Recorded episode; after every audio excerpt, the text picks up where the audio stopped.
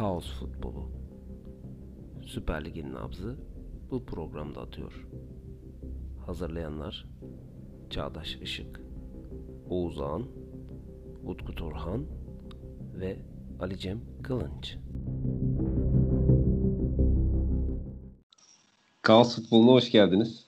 Arkadaşlar selamlar. Ee, bu hafta Fenerbahçe Beşiktaş derbisi vardı. Selam sabah vermeden direkt konuya girmek istiyorum. Yoksa yayın çok uzuyor. Ee, Fenerbahçe Beşiktaş derbisi Beşiktaş'ın 15 yıl önce yine aynı skorla aldığı e, sonuçla bitti. Bu arada bu 15 yıllık süreçte Beşiktaş'ın herhangi bir galibiyeti yoktu Saraçoğlu'nda. Ee, 15 yıl sonra yine aynı skorla e, ilk kez mağlup etmiş oldu. Ee, ne dersiniz bununla ilgili olarak?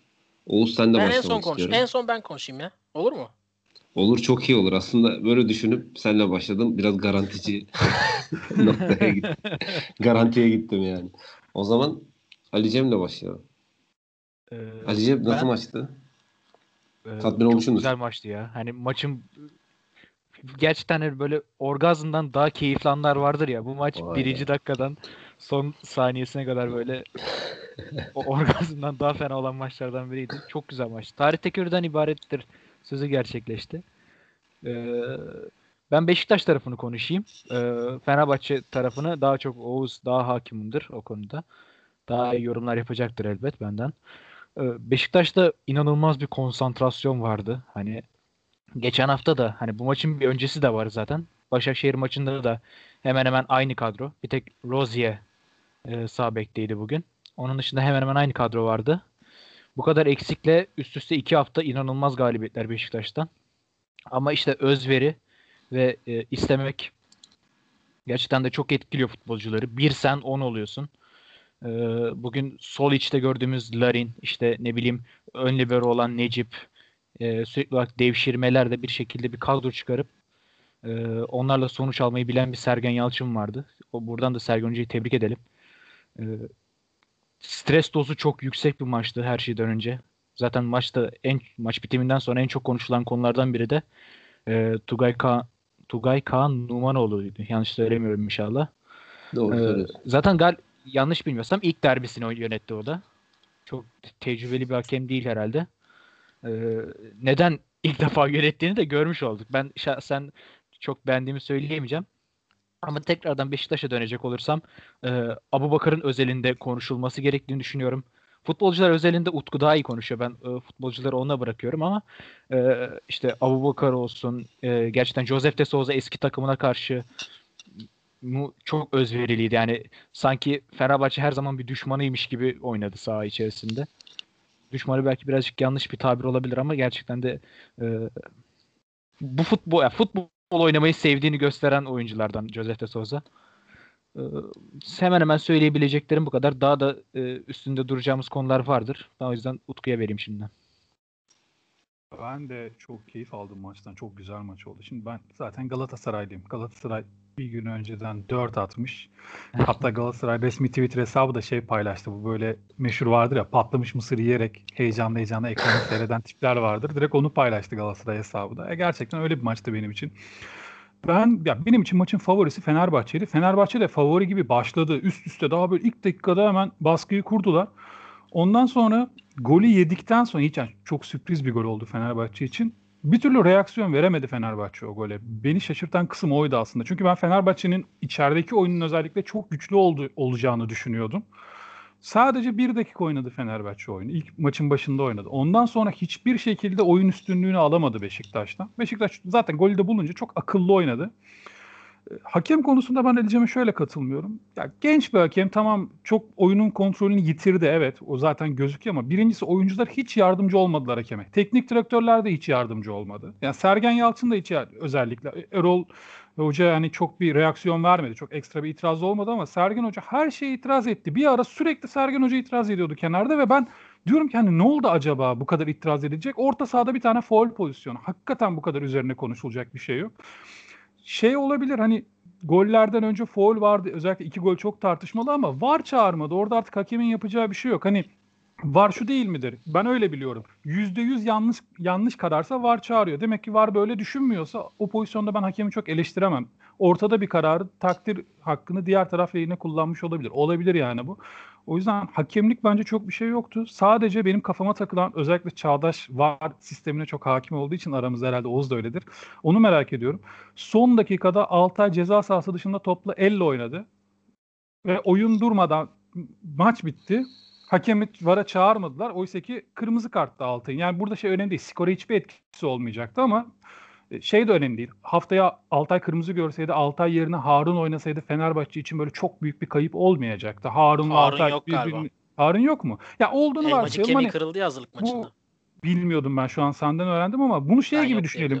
O pozisyon Muslera'nın başına gelse ve yedek kalecide işte haftaya Fatih oynayacak olsa çok şey ifade ederdi bu Galatasaray için, Galatasaray'ın rakipleri için. Bence o pozisyon net kırmızı kart neden atlandı bilmiyorum. Atlanmaması gereken bir şey. Maçı bitirdi hakem böyle bir pozisyon varken.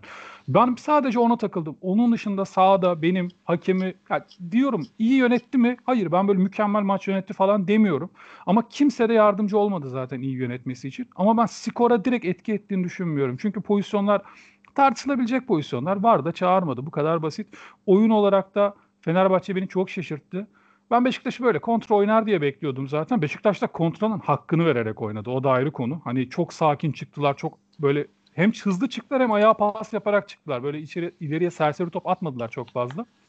Ama yani skor bir anda yani kimsenin beklemediği, bence Beşiktaş'ın bile beklemediği şekilde 2-0 olunca ben futbolda buna katılmayabilirsiniz. Benim için en önemli şey futbolda en önemli yani skora, oyunu en etki eden şeyin ben mental hazırlık olduğunu düşünüyorum.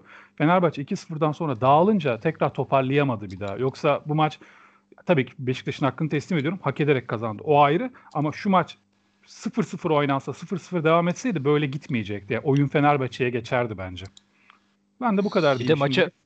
Bir de maça çok hızlı başlayan bir Fener olmasına rağmen bu kadar e, önde oynamaya çalışırken bir anda golü kalesinde gördü. E, ve a- şöyle de bir şey var. Beşiktaş geldiği her pozisyonu bitirdi. Bu da çok önemli bir etken. E, böyle dağınık bir şekilde de yakalayamadı Fenerbahçe. E, istediği oyunu bir sürü şeye de yıkamadı. E, Beşiktaş yarı sahasına da yıkamadı ve e, geçen sezon Şü- Şükrü Saracoğlu'nda yine Galatasaray kaybederken Fenerbahçe önde pres yapmaya çalışıyordu. Ancak hani yapılan ikiye birler ve ayağa paslar e, o presi bir şekilde kırıyordu ve Beşiktaş bir an yani Ga- Galatasaray ve Beşiktaş bir an önce rakip sahaya geçebiliyordu. Bugün de ona benzer bir senaryo yaşadık. Hani Ozan Tufan mesela Galatasaray Fenerbahçe maçında Ozan Tufan önde pres için e, santraforun arkasında başlamıştı. Bu maç da öyle, öyle başladı. Ama e, bugün o istediği baskıyı tam anlamıyla yapabildiğini söyleyemeyiz yani şey. Hocam gitti galiba. Ee, bu arada Yo yo Buradayım. cümlesini Buradayım. bitirdi ya. ha bitirdin mi? Ben son Çok ani son- bitirdi değil mi? Aynen, Çok son ani kelime gelmedi sadece. Yani kelime alamadık cümledeki. Ama anladık yani. Sorun yok. Ben bir de görüntüyü göremiyorum şu anda. Gitti zannettim. Yok yok buradayım. Aa, Oğuz sana dönelim mi? Yoksa ben bir iki bir şey söyleyeyim mi? Ben çok kısa e, söyleyeceklerim var. Ondan bahsedeyim. E, ben Fenerbahçe'nin geçen haftadan çok farklı kadroyla çıkmış olmasına açıkçası e, şaşırdım. Hani çok farklı geldi bana kadro. Çünkü diye, geçen hafta oynanan maçta işte e, bek farklı beklerle oynadı. E, ön alanda Mert Hakan'a denemişti. E, fena da performans göstermedi. Her ne kadar e, geçen hafta için Oğuz e, Gençler Birliği ile oynuyordu. Hani artık ona da karşı herkes iyi performans gösterir e, gibi bir yorum yapsa da ben iki haftada bu kadar e, kadro farkı olmasını açıkçası garipsedim. Şöyle bir yani e, şöyle tamamlayayım Fenerbahçe ile ilgili tarafı. Perotti, Sosa, Papistis ise ön alanda baskı yapabilmek için e, yeterli karaktere sahip değiller. E, doğru karaktere sahip değiller daha doğrusu. Yeterli enerjileri yok. E, oradan e, herhangi bir rakip rahat bir şekilde çıkabilir. Hele ki Beşiktaş'ta hani Rozier, Necip gibi ayağı fena da olmayan yani stoper için bu arada Necip'i söylüyorum. Orta saha için Necip'i söylemiyorum. Fena olmayan e, iki oyuncu da olunca Beşiktaş oradan rahat bir şekilde çıkıp net pozisyonlarla sonuca gitmiş görünüyor. E, e, Beşiktaş için Beşiktaş'ı tebrik etmekten başka yapacak bir şey yok. Özellikle Sergen Yalçın'ın. Çünkü bu kadroyla iki haftadır özellikle alınabilecek maksimum puanı aldı. E, Beşiktaş Utku'yu özellikle Utku için söylüyorum. E, şaşırtmadı. iyi futbolu bir şekilde sonunda karşılığını buldu. E, ve bakalım önümüzdeki haftalarda devam edecek mi? Çünkü Beşiktaş'ın kadrosu e, çok da geniş değil. Söyleyeceklerim benim şimdilik bu kadar. Oğuz senin yorumlarını heyecanla bekliyoruz. Oğuz bir soru sorabilir miyim sana? Onu Tabii cevaplayarak ki de. başla. Tabii yani ki de. e, Abu Bakar, Larin ve e, Raşit Gezal üçlüsünün ve daha sonrasında hani gol atan oyunculara bakıyorsun e, Ensakalı ve e, Necip gol, Necip gol atan isimler Beşiktaş'ta.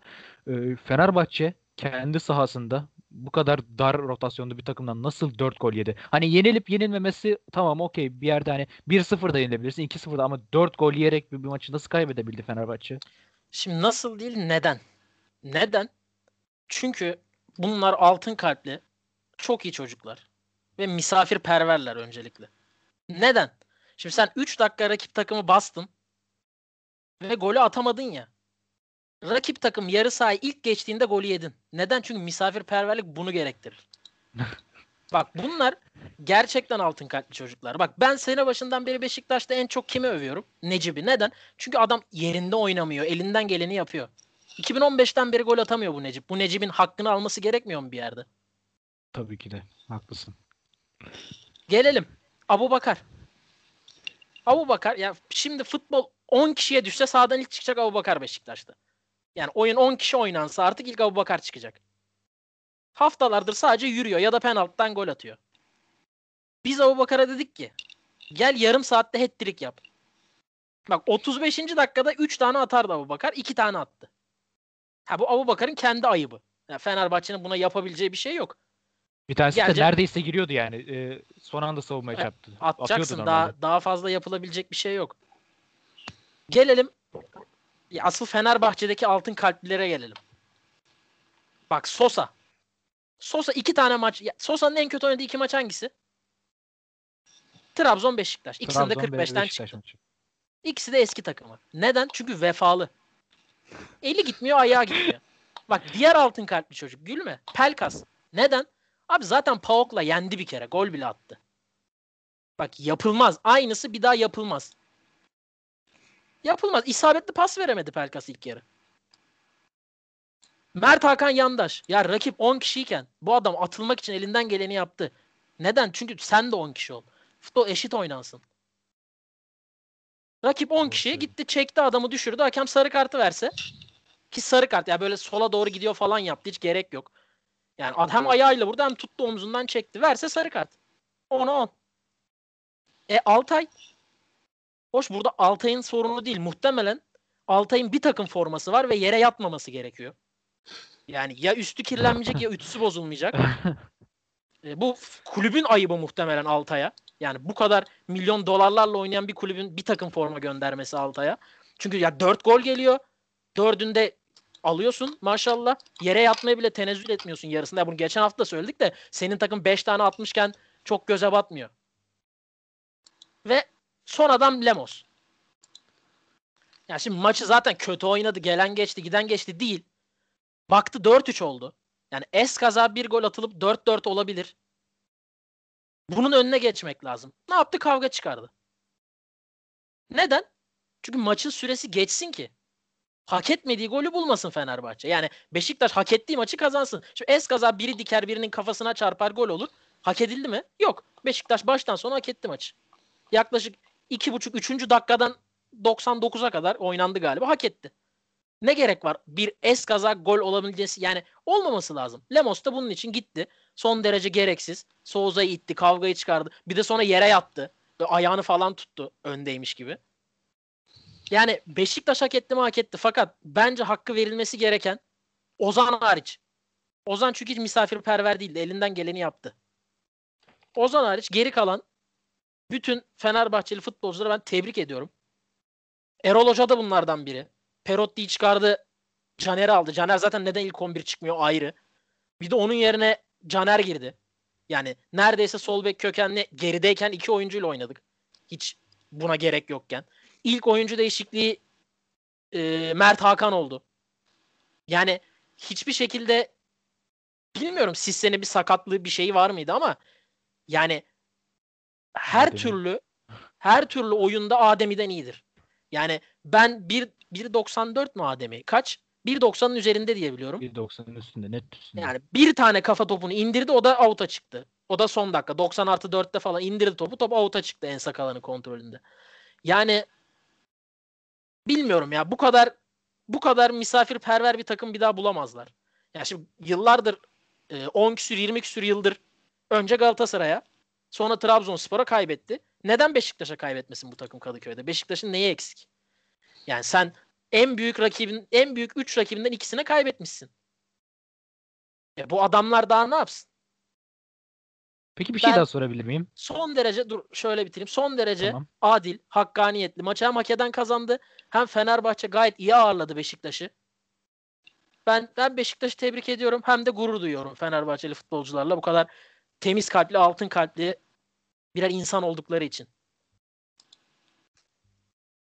Küçük bir şey Evet hocam. soracağım. Ee, şey, geçen sene Galatasaray Fenerbahçe'yi yendiğinde işte Fenerbahçeli bir takım e, medyada yorumcular şey demişti. Bu gal bu mağlubiyete ihtiyacı vardı Fenerbahçe'nin. Hani bu serinin bir yerde artık bitmesi gerekiyordu ki Fenerbahçe Buna da ihtiyacı vardı. Buna da ihtiyacı var mıydı diye Trabzon'a da soracaktım ya. ihtiyacı vardı. var. Yenilmediği her takıma bir kere yenilmesi lazım Fenerbahçe. Bunlar ihtiyaç. Yeni baştan bir kök değişimi oluyor Kesinlikle Fenerbahçe'de. öyle. Gerekliydi. Mesela Hatay Spor'a lig tarihinde hiç kaybetmemiş olabiliriz. Ona da yenilmesi lazım. Bu bir ihtiyaç. Daha muhtemelen bir maç yaptık. O da berabere bitti. Ama deplasmanda kaybetmemiz gerek. İhtiyaç. Sana sahayla ilgili bir soru sorayım Oğuz. Ee, Fenerbahçe Serdar Aziz'i aramış olabilir mi? Misafirperver Yani olmayan bir oyuncu Şöyle söyleyeyim. olarak. Ben bir ara şeyi düşündüm. Acaba dedim buradan çıksam koşarak Lemos'u yakalar mıyım sağdan çıkmadan Kıbrıs'ta? bir, bir gözüm kesmedi. Sonra bir üşüdüm. Bir de dedim denizi nasıl geçeceğim? Ya ben sana böyle cevap vereyim. Hani bir aklıma geldi dedim acaba çıksam mı buradan?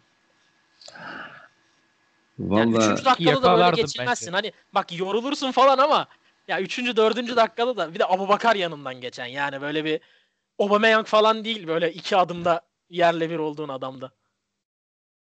en büyük Peki sorumluyu o ikinci, zaman ikinci, ikinci golü ne Ee, diyorsun? İkinci golde de iki stoper arasından çok rahat vuruyor yani. Tisserant'ta dedim da ya, birazcık e, şeylik Abubakar'ın bir vardı şekilde lige tutunması lazım. Beşiktaş'ın en zayıf gözüken futbolcusu. Yani olmaz hep Larin ön planda. Hep Abubakar geride. Bir şekilde açılması lazım. Elimizden geleni yaptık atmadı üçüncü. Yani şimdi buna Fenerbahçe'nin yapabileceği bir şey yok. sana bir istatistik vereyim. Ee, Fenerbahçe'nin stoperleri hiç hava topu kazanmamış bu maçta. yani. Ne gerek var? Amaç gerek o değildi ki. Ne alaka? Ne- yani stoper ne- hava topu kazanır. Bunu kim söylemişse katılmıyorum. Necip çıkana kadar 3 tane kazanmış. Tek başına. Neden? Hak etti çünkü. Hak etti. Bu golü de hak etti. Yemin ederim Necip attığı için sevindim golü. Hak etti abi Necip. Haftalardır en çok çalışan oyuncusu bu takım. Her maçta da söylüyorum elinden geleni yapıyor. Bugün de elinden geleni yaptı. Ee, Şey ben şöyle düşünüyorum. Enteresan Necip Çağdaş. efendim E, 2005 yılında o dönemki Beşiktaş kadrosunun e, Necip'i, Koray Avcı maçın skorunu belirleyen adamlardan biriydi. Şimdi de e, bu kadronun Necip'i, Necip Uysal yine skoru belirleyen adamlardan biri oldu yani. O, o dönemde de Koray böyle istenmeyen adamdı ama. Ama Necip bu- şimdi istenmeyen adam değil ya. bu Yani yani mecburen değil şu anda. Mecbur. Yani sezon başında sorsaydın istenmezdi. Şu an mecburen değil. Ya ben bu tip oyunculara karşı e, belli bir tavır alınmasını hiçbir zaman e, kabullenemedim zaten. E, Galatasaray'a geçtiğimizde de konuşuruz. Cagne dahi. E, yani Cagne ki bunu en çok hak eden oyunculardan bir tanesi. E, bu muameleyi. Dahi e, bence bu, bu böyle bir e, tavra maruz kalmamalı. Bana öyle geliyor.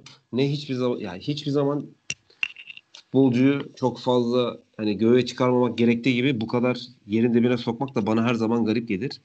Ee, sonuçta Necip Uysal Beşiktaş'ta profesyonel e, futbol oynayabilecek düzeye bir şekilde gelmiştir ki o süreçte birçok kişiyi geride bırakmıştır. Ee, evet performansı düşüşte olabilir, performansı aşağıda olabilir. Ab- Ya örnek şu an öyle değil ama e, belli bir dönem, belli dönemlerde. E, bu muhtemelen oyunda e, yani sahadaki oyundaki e, sahadaki taktiğe uymamasıyla ilgilidir ya da işte hocayla uyuşmadığı uyuşmamasıyla ilgilidir. E, yoksa diğer futbolculardan daha az çalıştığı için olduğunu zannetmiyorum örneğin Necip'in e, performansının düşük olması e, nedenini. Tabii ki yetenek burada önemli ama e, bence oyuncunun yeteneğine göre sahada bir görev alması da önemli. Necip böyle bir oyuncu. E, stoper karakterli bir oyuncu aslında her zaman. Ama tabii pozisyon almasını çok iyi bilmeyen, e, zaman zaman yer kaybeden, işte bazen çok istediği için e, taktiksel düzenin dışına çıkıp e, göze batan e, ve günah keçisi kolayca ilan edilebilen bir oyuncu. Şu an e, Beşiktaş'ta Necip ile ilgili mesela Twitter'a bakıyorum. Mu- muazzam tweetler var ama yarın işte önümüzdeki haftaki maçta bir hata yapar Necip bu tez canlılığıyla beraber ve işler tamamen tersine döner. Bu benim yadırgadığım bir durum. O yüzden Necip adına sevindim açıkçası böyle bir maçta e, gol atmış olması ve iyi oynamış olması. Ona bir süre e, bu tip eleştirilerden uzak kalmasını sağlayacaktır onun diye düşünüyorum. E, maçla ilgili söylemek, eklemek istediğiniz bir şeyler var mı? Hani hakem e, çok fazla konuşuldu maçla ilgili olarak. Hani e, şu an e, gündeme şöyle bir bakıyorum. Gerçekten hakem çok ciddi eleştiriliyor. Yani ben benim peki? E, genel olarak yani hani insanlar bundan şikayet etmekte. Tabii, Hani hakem Türkiye'de şöyle hakem böyle. sonra- İki taraf da eleştiriyor. Yani Kimler Türkiye'de dersen iki derbiden taraf. sonra hakem hakemin konuşulmadığını ben hiç hatırlamıyorum ki. Hele böyle bir derbiden sonra kırmızı çıkmış, iki tane tartışmalı gol olmuş yani itiraz edilen gol Penaltı olmuş. var. Eleştirilir normal ama ben ben Hangi hakemlik, gol tartışmalı? e, abi birincisi Necip'in attığı gol foul olduğunu söylüyor Fenerbahçeliler. Necip'in attığı kafa golünde. Hangisi ya? Bir ayak çok yüksek. Kafa hizasında bir ayak var. bak, bir gol o. Nec- Necip'in Diğeri- kafayla attığı arka direkte attığı tamam. gol var ya Necip'in. Ha, abi öyle foul mü Sol ya? dirseğini rakibinin sırtına bence de olmaz da.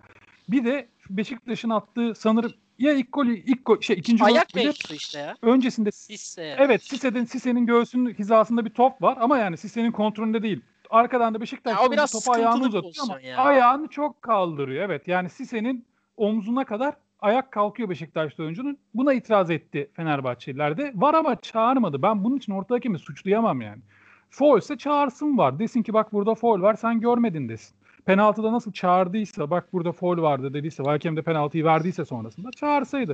O yüzden ben hakem ya bu işin artık böyle kolaycılığı yani herkes hakeme yükleniyor. Bunu Galatasaray da yapıyor, Fener de yapıyor, Beşiktaş da yapıyor. Ben çok sıkıldım bundan. O yüzden çok skandal bir şey olmadığı sürece hakem konuşma yani hakem konuşuyorum da hakemi suçlamayı pek iste- istemiyorum ama benim için skandal pozisyon son pozisyon. Altay ceza sahası dışında topa elle dokunuyor. Defalarca pozisyon ekrana geliyor. VAR da görüyor. Ama çağırıp da attırmıyorlar Altay'ı. Oysa ki atılsa haftaya cezalı. Bu arada Harun yedeklerde varmış onu söyleyeyim. Hani haftaya Harun oynardı. Eğer Ya muhtemelen e, var o sırada o pozisyon olduğu anda kulaklıkları çıkartıp oh be bitti demiştir. Hani zannediyorum. Tabii tabii. Yani hani maç esnasında olsaydı gözden kaçma, Tabii. kaçmazdı diye düşünüyorum ama. Ee, şunu söyleyebilirim maç maça ilgili yani daha çünkü konuşuruz herhalde bu derbi yüzüne saha içine dair. Bence Erol Bulut birazcık geçen haftanın etkisinde kalmış. Yani Gençler Birliği maçı birazcık yanıltmış oldu ama biz burada konuşurken de demiştik yani o maç bir ölçü değil. Gençler Birliği çok zayıf bir takım. Tıpkı Galatasaray'a geldiğimizde konuşacağımız gibi Galatasaray çok iyi gözüküyor ama yani Kayseri ile Çaykur Rize'ye karşı iyi gözüktün. Fenerbahçe de buna aldandı. Gençler Birliği'ne karşı ben çok iyiyim dedi. Bugün gördük öyle olmadığını. Yani o kadar kolay olmuyormuş. Çıkardığı kadroyu Altan Tanrıkulu hemen devre arasında bir tweet atmıştı. Eleştirmiş hani şu şu sık ya şu kadroya 2-1 diyor Erol Bulut'un şansı diyor. Gerçekten çok şanslı bugün Erol Bulut diyor ama şöyle bir şey var. Ben eminim yani maç oynanmadan önce bir şey söyleyebiliyorsan kıymetli. İlk yarı izleyip ondan sonra tweet atmanın bence çok bir kıymeti yok. Ben ilk kadroyu gördüğümde ben dedim ki evet bu kadro iyi çünkü Fenerbahçe top oynayacak. Fenerbahçe zaten ileride iyi basan bir takım. Neydi benim eleştirim Fenerbahçe'ye sezon başından beri? Yaratıcılık problemi var. E, Perotti zaten bunu hallediyor. Pelkas'ı da ben beğeniyorum. Sorun yok. Sosa da bu takımda her zaman oynar diyordum. Ben baktım kadroya ben dedim ki tamam ya Erol Bulut tam olarak çıkması gereken kadroyu çıkarmış. Lemos'un zaten ben çok iyi bir stoper olduğunu düşünüyorum. Bunları hani maçı izleyince tabii ki bunlar bu söylediklerim komik olabilir. Maçın skoruna bakınca, oyuna, oyuna bakınca. Öyle ama önemli olan hani maç öncesini konuşuyoruz. Yani bu skoru görmeden önce aranızda hanginiz dedi ya bu çok berbat bir kadro, rezil bir kadro yanlış çıkartmış. Kimse dememiştir. Fenerbahçeliler de Perotti oynasın istiyorlardı zaten. Çünkü oynadı mı adam skor yapıyor. E, Valencia'yı Fenerbahçeliler de çok koşuyor, çok mücadele ediyor doğru ama yaratıcılık eksiği var. Bunu Fenerbahçeli Oğuz da kabul ediyor sorsan Oğuz da kabul eder yani. Ama Çağdaş orada dedi ya çok güzel bir tespit yaptı. Fenerbahçe yaratıcılığı halledeceğim ben çok yaratıcı bir takım olacağım derken onun en büyük gücü olan sezon başından beri hücum gücünü bir anda yok etmiş. Yani ne Perotti ne Pelkas kesinlikle orada aratıyorlar Valencia'yı. Yani şey anlamında, pres anlamında aratıyorlar. Bir de Pelkas. Şu da var. E şimdi sen niye orada oynuyorsun Valencia yerine? Top ayağına geldiğinde bir şeyler yap diye. E sen bir de bugün onu yapamayınca o zaman hiçbir kıymeti kalmıyor orada senin tercih edilmenin. İki, bir de kalecilerle ilgili bir şey söyleyeyim. Altay'ı zaten hep savunuyordum ama bugün sadece Altay değil ama Beşiktaş'ın kalecisi de yani ne geldiyse aldılar. Hiç seç yani çerçeveye geldiği sürece bu şeyler toplar sorun yok. Alıyorlar yani içeri. Ya bir tane ben kurtarış hatırlamıyorum iki kalecilerde.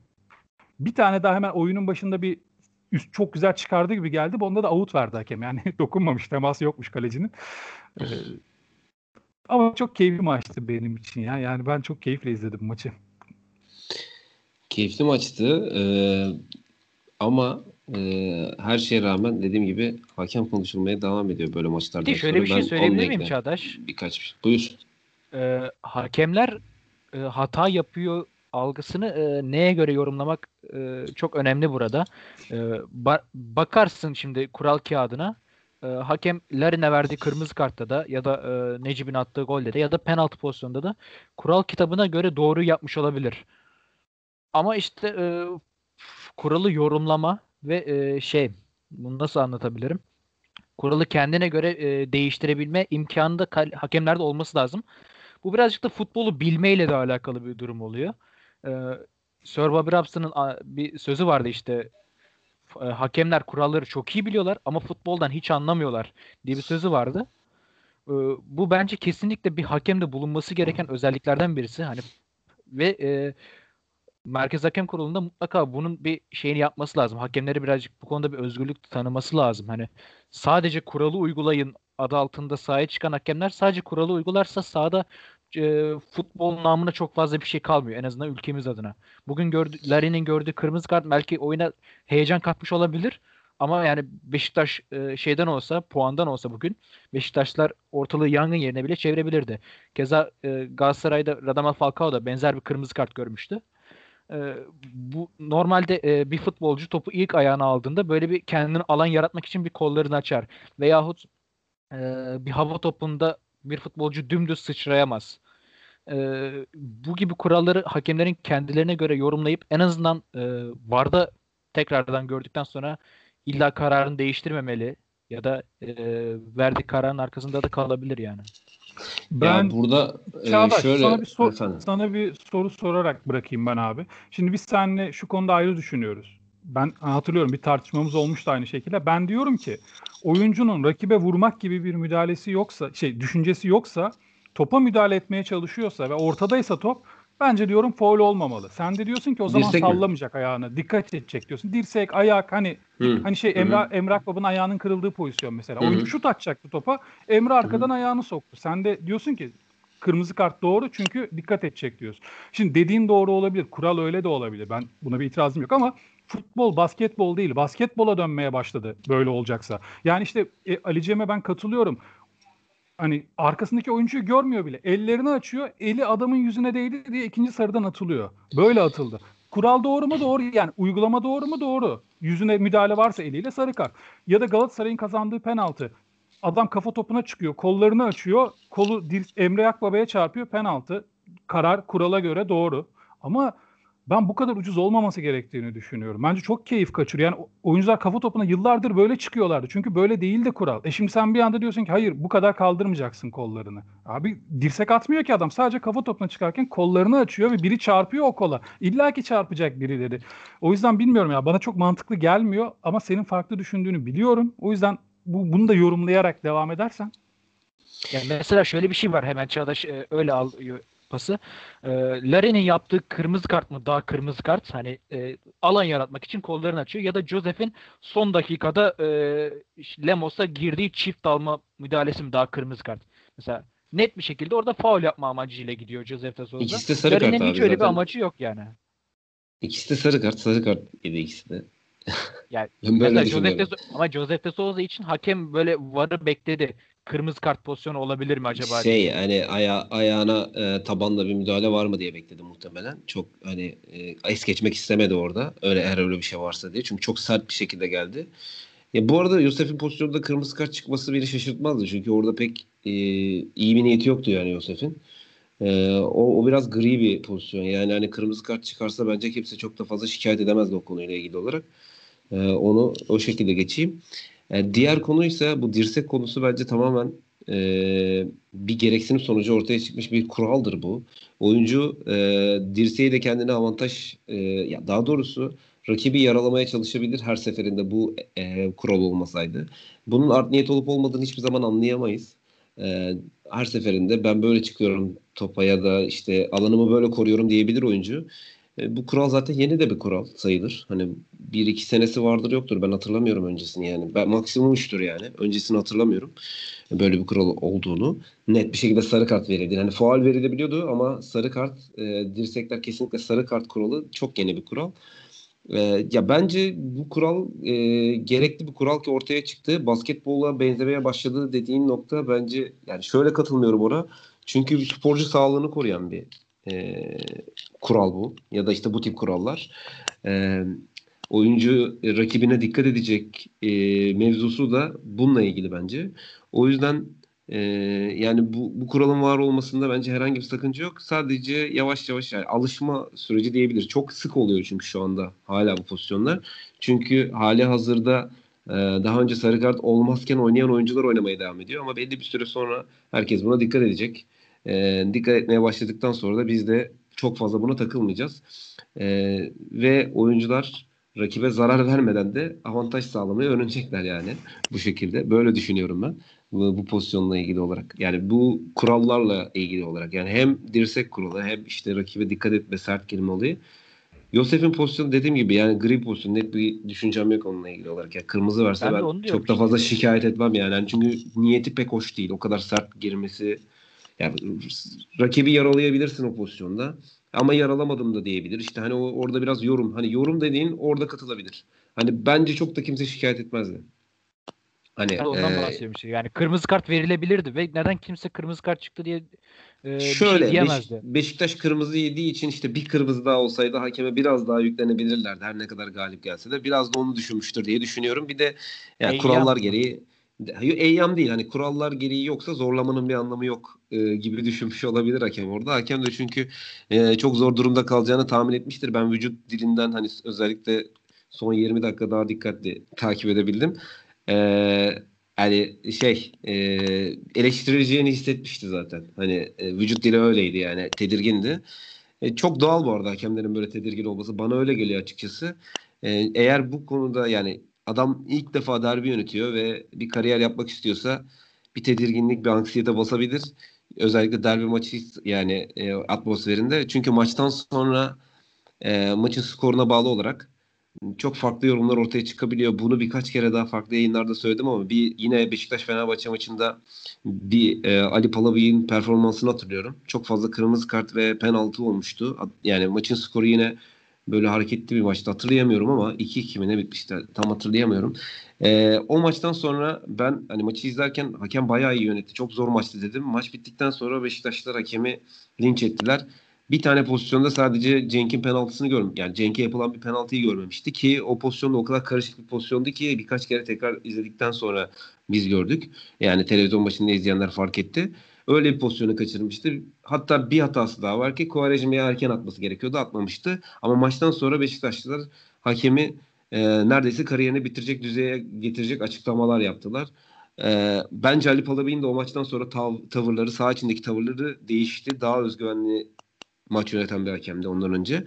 Dolayısıyla bu tip olaylar hakemlerde bir tedirginlik e, bir tedirginlik ya da işte bir e, temkinli yaklaşma e, ihtiyacı hissettiriyor. Bence çok da normal. Eğer bu konuda dediğim gibi kariyer yapmak istiyorlarsa e, ip üstünde yürüdüklerinin farkındalar ve ona göre hareket ediyorlar. E, burada genel olarak zaten daha önce konuştuğumuz e, kararlar alınırsa hani maçtan sonraki açıklamalar e, cezalandırılırsa maçtan sonra hakemle ilgili e, konuşmalar biraz daha daha doğrusu tamamen yok olursa takımlar tarafından ancak o, o zaman hakemlerde Alican senin beklediğin yorumları ya da kararları görebiliriz diye düşünüyorum hakemle ilgili olarak. E, derbiyle ilgili benim ekleyeceğim çok fazla bir şey yok. E, çünkü biraz e, e, Fenerbahçe'nin sadece e, yani sağ içine bakarsak evet bence işte Lemos'un geçen hafta sağ bek oynayıp şimdi stopere tekrar dönmesi bu çok kolay bir şey değil. Her ne kadar e, her oyuncunun da böyle e, adaptasyonu hızlı bir şekilde gerçekleşmez. E, çok kolay da bir şey değil dediğim gibi. Yani birdenbire oraya geçmesi işte bütün takımın birdenbire değişmesi ve ön alanda baskı yapmaya çalışırken Perotti, Sisse ve Sosa gibi nispeten yumuşak oyuncularla bunu yapmaya çalışması e, ve Beşiktaş'ın çok ciddi bir konsantrasyonla geldiği ilk pozisyonları gole çevirmesi e, Fenerbahçe açısından amacı çok büyük bir e, zora soktu. Çünkü Fenerbahçe daha hani bir sistem oturtmaya çalışan, e, nasıl oynayacağını şekillendirmeye çalışan bir takım. E, Beşiktaş hani e, sistemi var mı, oturdu mu derseniz tabii orada da yok ama bence e, Hutchison gibi böyle e, güvenli bir performans veren oyuncunun olması e, her ne kadar bu maçta hani maçın adamı ya da işte mükemmel oynadı diyemesek de Hutch- Hutch- Hutchinson'ın olması e, Beşiktaş açısından saha içerisinde büyük avantaj. Sadece oyun anlamında değil, hani konsantrasyon anlamında da. Hani geçen hafta konuşmuştuk burada. Böyle bir oyuncunun bu kadar koşup böyle bir performans ortaya koyması diğerlerinin de performansını yukarı ister istemez çıkartır. Ee, yani bu adam kaç yaşında ve nasıl oynuyor, nasıl bir mücadele veriyor, nasıl konsantre, e, ne kadar disiplinli deyip e, herkesi daha fazla motive edecektir. E, Fenerbahçe'de böyle bir karakterin eksikliği belki çekip, e, yaşanmış olabilir. E, ben açıkçası Serdar Aziz'in mesela sahada olmasının e, bu, ma- bu maçla ilgili olarak farklı bir etki yaratabileceğini tahmin ediyorum. Öyle söyleyeyim. Çünkü o kadar e, mücadele eden sahada sadece bir Ozan vardı. O da biraz ön alanda kaldı. E, tek başına kaldı daha doğrusu öyle söyleyeyim. E, onun dışında maçla ilgili ekleyebileceğim benim çok fazla bir şey kalmadı. E, Beşiktaş'ı tebrik ediyoruz. Sizin var mı eklemek istediğiniz bir şey? Kalmadı herhalde. Kalmadı. O zaman e, Galatasaray'a doğru buradan yollanabiliriz. E, sözü en son Utku'ya vereceğim. e, bu sefer de. Ali'cem önce sana vermek istiyorum sözü. Yine mi ben başlayayım? İstersen O- Oğuz başlayabilir. Sana bırakıyorum Oğuz başlasın. Utku Tamam. ile ben daha sonra konuşacağız o zaman. Ya ben Peki. çok bir şey söylemeyeceğim zaten. Sadece şeyi söyleyeceğim. Yani biz tabii geçen hafta Galatasaray maçını konuşamadık. Evet konuşamadım. Ee, Birlikte Kayseri kısaca değerlendirebilirsin. Kayseri. Evet. Kayseri evet. 1-1.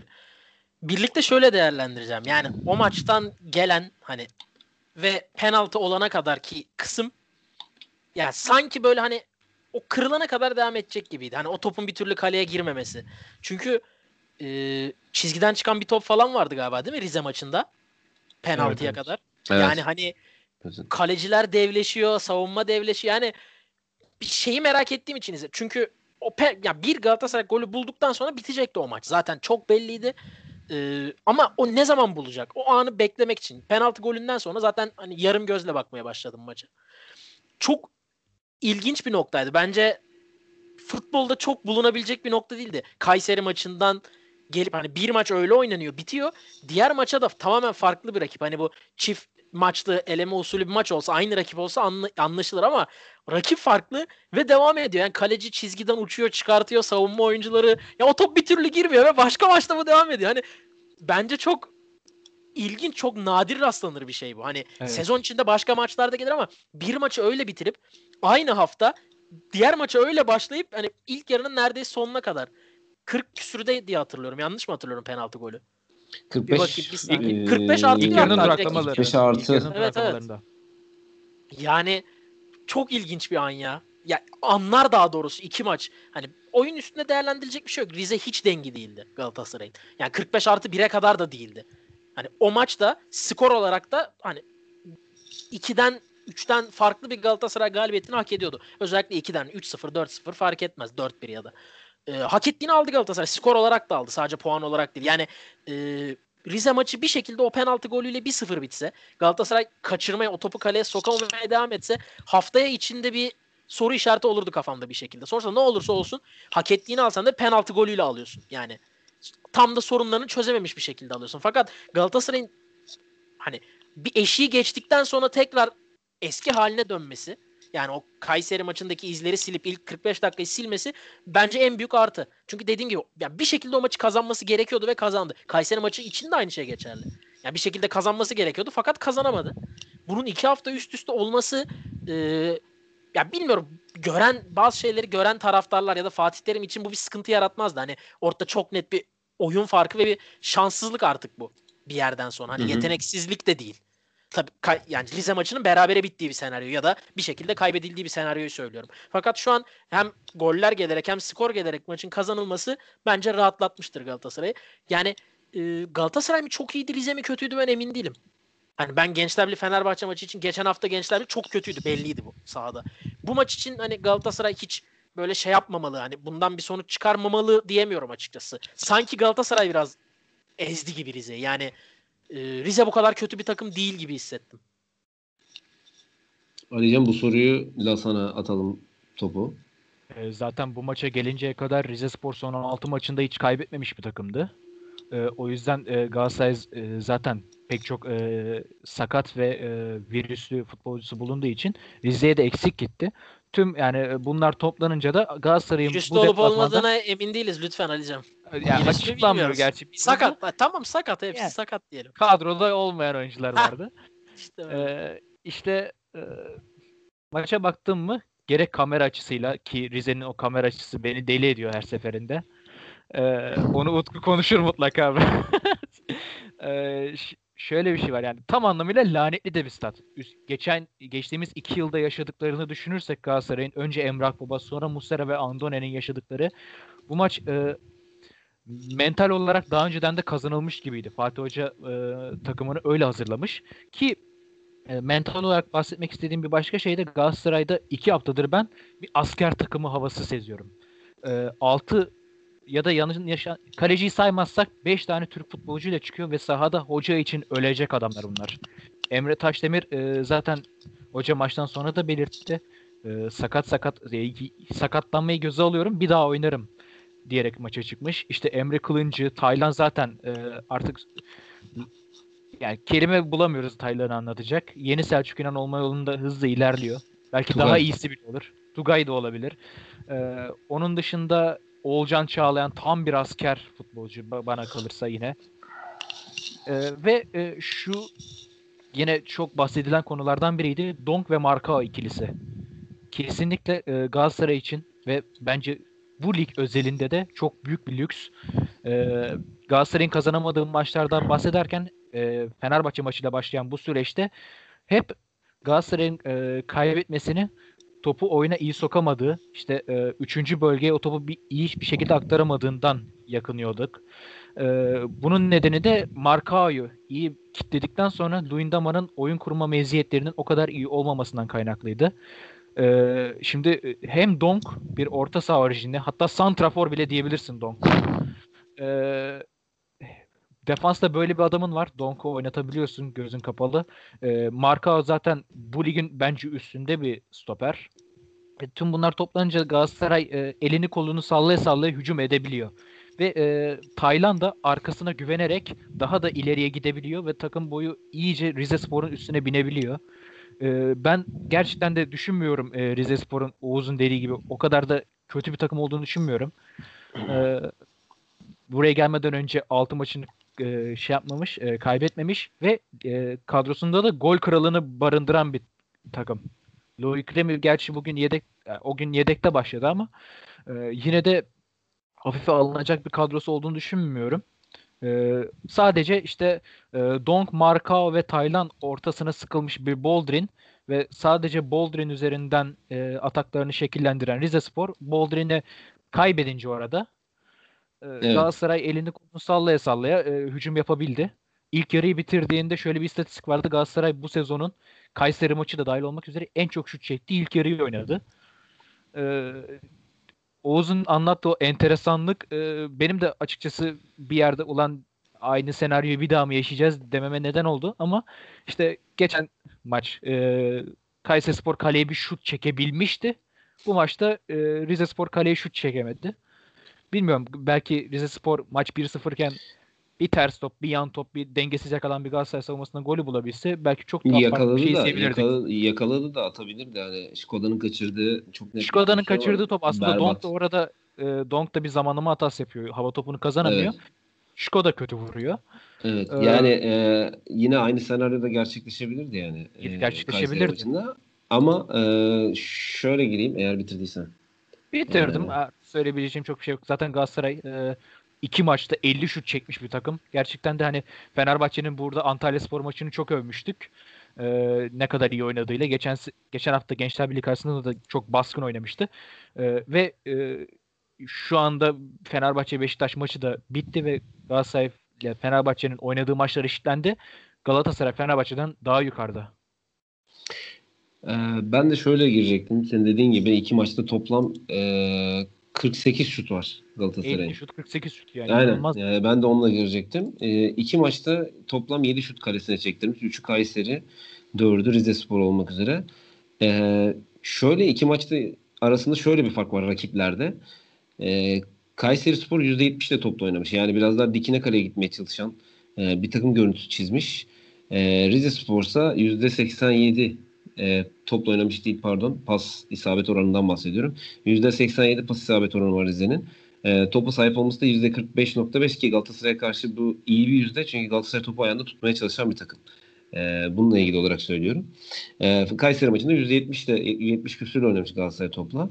Yani iki farklı rakibe karşı aynı oyunu oynadı. Ama yine de bence bu iki maçta Galatasaray için e, çok bir ölçü olmamalı. Yani tamamen işte bu iki maçı mükemmel oynadı ve Galatasaray böyle yoluna dolu dizgin gidecek e, diyebileceğimiz bir görüntü yok şu anda. Çünkü bence bu iki maçta Galatasaray'ı asıl iyi oynatan şeylerden bir tanesi defans arkasını koşu yapabilen oyuncunun sahada olmasıydı. Yani Olcan Çağlayan'dan bahsediyorum. E, sadece Emre Kılınç e, defansın arasına kaçabilen bir oyuncu olarak oynuyordu sürekli Galatasaray'da her maçta. E, Babel, Feguli, Belanda bunların hiçbiri ceza sahası koşusu atabilen oyuncular değil. Emre Akbaba'nın da yine aynı şekilde sahaya girmesi. O da topsuz oyuna iyi bir oyuncu. E, oyuna girmesi. Bence Cagney'in de yine aynı şekilde orada stoperleri oyalayan bir oyuncunun bulunması. Bu iki maçtaki bence en önemli farklardan e, farklardı yani öyle söyleyeyim. Bir diğeri de senin de söylediğin gibi Donk. E, Luyendama e, Abdullah Avcı'nın zamanında NTV'ye çıkıp e, Galatasaray'ın nasıl çıkmasını engelledik diye anlattığı işte Luyendama'yı topu bıraktık diye anlattığı bir oyuncuydu. E, herkes de bunun farkındaydı. Luyendama'nın topla çıkamadığını ve Galatasaray'ın pasla çıkmaya çalıştığını. E, ve buradan çok kolay bir şekilde Galatasaray defanstan daha çıkarken yormaya başlıyordu rakipler. Burada Donk'un olması bence önemli bir faktör hücum anlamında. Ee, bunu söyleyebiliriz. Dediğim gibi Oğulcan Çağlayan'ın olması hani tek başına Oğulcan Çağlayan Galatasaray'ın bu kadar iyi oynamasını sağladığı gibi bir yorum yapmıyorum tabii ki. Ama Galatasaray'ın en büyük eksiği bence şu pas oyununu fena oynamazken hiçbir zaman e, fena oynamıyor aslında. Top ayağında kalabiliyor. Bu önemli bir meziyet. E, ara pas atabileceği pozisyonları yaratıyor. E, defans arkası boşluğu yaratıyor. Defans, rakip defansı öne doğru çekiyor.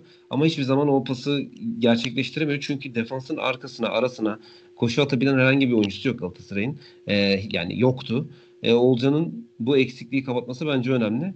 E, Cagney ile de birkaç bir şey söyleyeceğim ama pası buradan e, önce Utku'ya atmak istiyorum. Utku'nun maçla ilgili görüşlerini e, aldıktan sonra Cagney'in e, performansı dışında bir şeylerden bahsetmek istiyorum. Umarım söz tekrar sana gelir. Çünkü çok fazla şey söylemek istiyorum Galatasaray ile ilgili. Önce şuradan başlayayım. Yine tekrar söylüyorum bu bir Fenerbahçe Beşiktaş eleştirisi değil. Tersi olsa bunu Galatasaray e, medyası da yapıyor. Şöyle bir algı başladı. İşte Thomas eski Galatasaraylı futbolcu. Dolayısıyla en iyi oyuncusu Lorik Remi'yi yedek bıraktı. Maçı Galatasaray'a verdi gibi çok ciddi şekilde böyle bir algı var. Önce şunu söyleyeyim. Abi Lorik bir önceki Remi- hafta Muğdat vardı işte. Muğdat Lorik- vardı işte. Ya bu arada Muğdat'ınki bambaşka bir şey. O ayrı. Yani Muğdat bir futbolcunun yapmaması gerektiği kadar saçma sapan şeyler yaptı. Yani o şike yapsan onu yapmazsın. Yani çünkü Abi ben çok, yemin an- ederim onu diyecektim çok ben de. anlaşılır yani. Aynen ya. Tamam mı? Ş- Öyle Adamın masum yani. olduğu o saçma hareketten Evet, belli. evet. Yani, ne evet. yapmaya çalışıyorsun? Ben bilerek yapmadığını biliyorum Abi ya. şimdi dünyayı kurtaran adam var ya Cüneyt Arkın'ın. O filmle ilgili bir yorum var. O kadar kötü ki çok iyi diyorlar. Şimdi Muğdat'ın olayı öyle. Ha, yaptığı şeyler o kadar safça ki adam masum yani. Çünkü o kadar göstere göstere yapamazsın onu. Neyse Lorik Remi'nin olayı şu abi. Covid adam. Ee, geçen haftaki lig maçında oynamadı. Lorik Remi son iki dakikada oyuna girdi. Hafta arasında kupa maçı oynadılar. Onda da oynamadı. Kadroda yoktu. Ee, adam Covid olduğu için yani antrenmanları çıkamamıştı vesaire. Yeni yeni dönmeye çalışıyor. Son işte bir 8 gündür 10 gündür oynamaya başladı yeniden. Ondan yedekti adam. Yoksa Galatasaray'ı çok sevdiğinden değil yani Thomas'ın. Zaten oyuna da aldı. Hazır olmadığı halde maçı çevirebilmek için. Evet. Şimdi Galatasaray'da şöyle bir şey var. Ben Kayseri Spor maçının da Rize maçının da çok büyük ölçü olmaması gerektiğini düşünüyorum Galatasaray için. Gençler Birliği'nin Fener, Fener'in Gençler Birliği maçına döner. Kendini kandırırsın. Ha, Galatasaray iyi oynadı mı? Mükemmel oynadı. Benim son yıllarda izlediğim en iyi Galatasaray'dı. Rize karşısındaki Galatasaray. Fakat birkaç tane Galatasaray'ın bence hala problemi var. Birincisi bitiricilik. Yani hiçbir maçta, iki maçta da ben kalecinin kahraman olduğunu düşünmüyorum. Hiçbir top çıkarılmayacak toplar değil. Bir tek bu Rize maçında Gökhan'ın Oğuzhan'ın bir şutunu çıkardı. Ters elle böyle. Oğulcan'ın. Solu, Oğulcan'ın aynen. Oğulcan'ın 90'a gider. e, 90'a gidiyordu gerçi. O, o bir kurtarış. Nefis bir kurtarış. Ama Cagney'in kaçırdıkları falan kaleci kurtarışı değil. Zaten kalecinin olduğu yere vuruyorsun. Kurtarması için bir şey yapmasına gerek yok. Sabit dursa kurtarıyor zaten. Ben bununla ilgili Galatasaray Sözlüğe bir entry yazdığımda çok tepki gelmişti. Cagney çok kötü bir bitirici değil. İşte bu kadar gol atan adam kötü bitirici olur mu vesaire denmişti ama bir oyuncunun çok gol atması sadece iyi bitirici olmasıyla alakası yani tabii ki onunla da alakası var da sadece ona bağlı değildir. Çok pozisyona giriyordur ama bitirme yüzdesi düşüktür. O Hakan Şükür de kötü bir bitiriciydi. Hakan. Şükür çok kötü bitiriciydi ama Türkiye'nin gelmiş gitmiş en çok gol atan adamı oldu yani.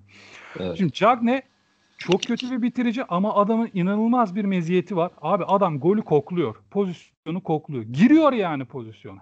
Ya, mümkün yani engelleyemiyoruz. En kötü oynadığı maçta bile sahada yürürken bile Cagne'nin kaçırdığı gol oluyor maçta. Böyle bir adam.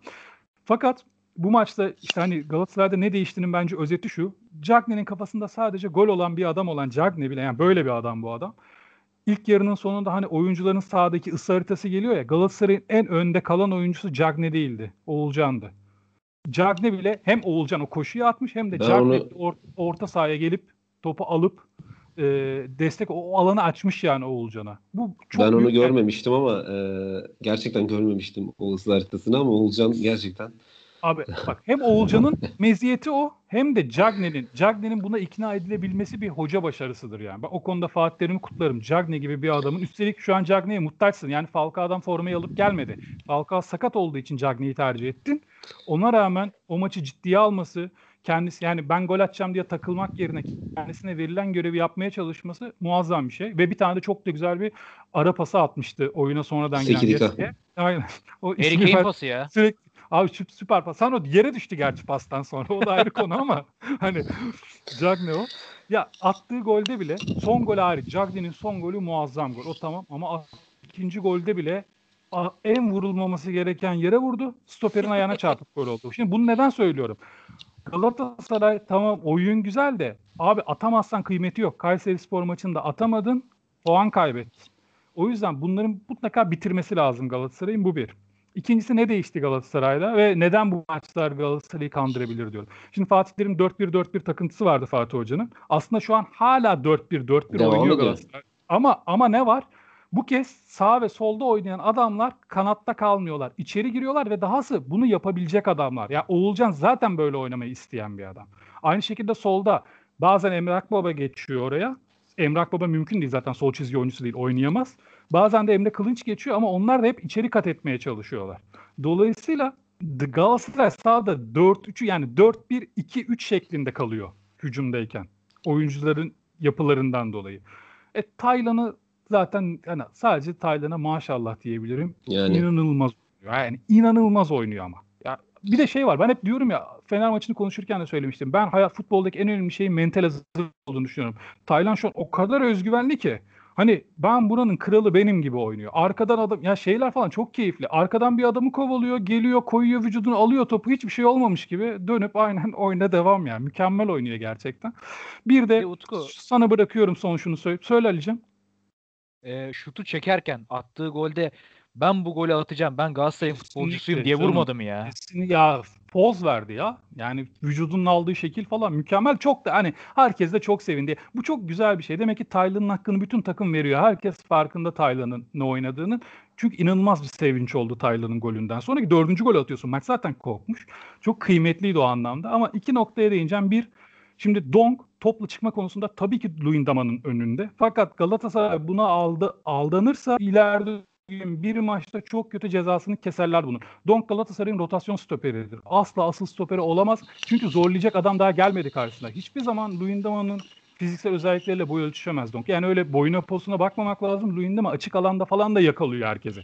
Yani sakatlıktan çok iyi dönmedi ama oynamamasının sebebi de bu arada milli takımda bir sakatlık geçirmesi. Yani o yüzden oynamıyor Luyendama. Yoksa Donk'un tercih edil- edildiğinden değil. Bu bir, bir de son olarak şunu söyleyip sana bırakıyorum Çağdaş. Ee, Feguli şu an orta saha oynuyor. Yani kanatta oynamıyor. Bu Feguli'ye yaramış. Hem daha fazla sorumluluk alıyor hem de orada zaten daha becerikli. Bir de kendi de inanmış yani rolüne ama Fenerbahçe için dediğim gibi bu kandırabilir. Bu maçı oynarsın Feguli ile orla- orada da daha dişli bir rakip geldiğinde Feguli orada çok yumuşak kalabilir. Fatih'le bitireceğim ben şimdi kaleciyle. Şimdi Galatasaray'da geçen hafta yine kıyamet koptu. Puanın kaybı Fatih'e yazdı yine. Bir tane ya adama bir tane şut gelmiş onu da çıkaramamış. Dedikleri doğru. Yani bakarsak doğru. Bir tane şut geldi çıkaramadı. Peki sen Kayseri Kalesi'ne sana gelen şuta benzer bir tane şut gönderebildin mi maç boyunca? Adam zımba gibi vurdu köşeye. Fatih ne yapsın o topa? Herkes şeyi bekliyor. Muslera gibi çıkarsın. Abi o Muslera bir daha olmayacak öyle bir şey. Ya Muslera'dan sonra da olmayacak. Yerine gelen kaleci de çıkaramayacak çok büyük O golü. Muslera da yerdi bu arada Tamam. bence. Ya bu arada hani bence de yerdi de çıkaracaksa Muslera çıkarır bir tek onu zaten. Başka da Evet. kimse çıkaramazdı yani. Tamam dünyada o topu çıkarabileceğini söyleyebileceğin kaleci sayısı 10-15 falandır. Ya şimdi burada niye Fatih yükleniyorsun abi? Rakip takımın kalecisi 45 dakika boyunca İsmail Çipe. Yani senin beğenmeyip gönderdi. Üçüncü kaleciyken beğenmeyip gönderdiğin kaleci. Yok yok. Şimdi ben yok ikinci yarı Ha ne girdi. İsmail Çipe Kayseri maçında? Rakip Aha. kaleci sakatlandı. İsmail. Çipe ile bitirdi rakip rakip takım. Şimdi şunu hani ben başlarken dedim ya bitiricilik meselesi. Ya kalecisi İsmail Çipe olan takıma sen gol olabilecek şut atamamışsın kaleye. Ondan sonra diyorsun ki ben iyi oynadım, çok iyi oynadım, şunu yaptım, bunu yaptım. Bak ilk 45 dakika iyi oynadın, doğru. Sonrasında özellikle 1-1 olduktan sonra 10 kişi takıma hiçbir şey üretmedi Galatasaray. Oyuncu değişikliklerinin de etkisi olabilir. Ki herhalde Fatih Hoca da öyle düşündü. Rize maçında çok dokunmadı takıma. Takım oynamaya devam etti. Ama ben bunu da çok önemsiyorum. Rakip takım 10 kişi, maç 1-1. Sen gol olabilecek bir tane şut gönderemiyorsun rakip kaleye. Göndersen zaten gol olacak çünkü kalede İsmail Çipe var. Yani Fatih'i eleştiriyorsun ama İsmail Çipe var rakip kalede. Bak Kayseri maçında kalecileri değişelim. Fatih Kayseri'nin kalesine geçsin. İsmail Çipe Galatasaray'a geçsin. Kayseri alabilirdi o maçı. Çünkü İsmail Çipe var diye vururlardı. Yani nasıl olsa boş diye kale. Orta sahadan falan Hayda. vururlar yani. Abi öyle şimdi biliyorsun bak. Bence Eray o kadar Bu çok ya. benim yapacağım Bak, bir yorum. Utku bak. ona göre. Abi Eray İşcan'ın yedeği İsmail Çipe. Ya Eray O İşcan'ın kadar söyleyeyim ya. Gerrit Bale'den nasıl bir frikik? Ben frikikte ters köşeye giden tek kaleci olarak şeyi gördüm. Ya kimseye Eray. çarpmamış bir topta tek ters köşeye giden Eray'ı gördüm ya. Göstere göstere gol yedi frikikte. İsmail Çipe onun yedeğiydi ya. Ondan alamıyordu formayı. Ya ta İsmail'e çok yükleme yani şu yüzden Galatasaray'daki performansına kızgın olduğum için bu kadar yükleniyorum ama Fatih'e de bu kadar haksızlık edilmesin. Fatih iyi mi? Değil. Fatih iyi bir kaleci mi? Yani performansı iyi değil. O kesin. İyi bir kaleci mi? Bence iyi kaleci de değil. Ama zaten bu adam senin üçüncü kalecin ya. Üçüncü kaleci bu kadar oynar zaten. Yani Galatasaray Kayseri Spor'dan Kayseri 3 puan almak için kaleci performansına ihtiyaç duyuyorsa almasın zaten o maçı. Gerek yok. E, Rize maçında da Fatih kalede vardı. Aldı işte 3 puan. Demek ki mesela Fatih değilmiş. Böyle bırakayım sana Çağdaş'cığım. Ee, ben bambaşka bir yerden gireceğim konuya. Fatih ile ilgili şunu söylemek istiyorum ama.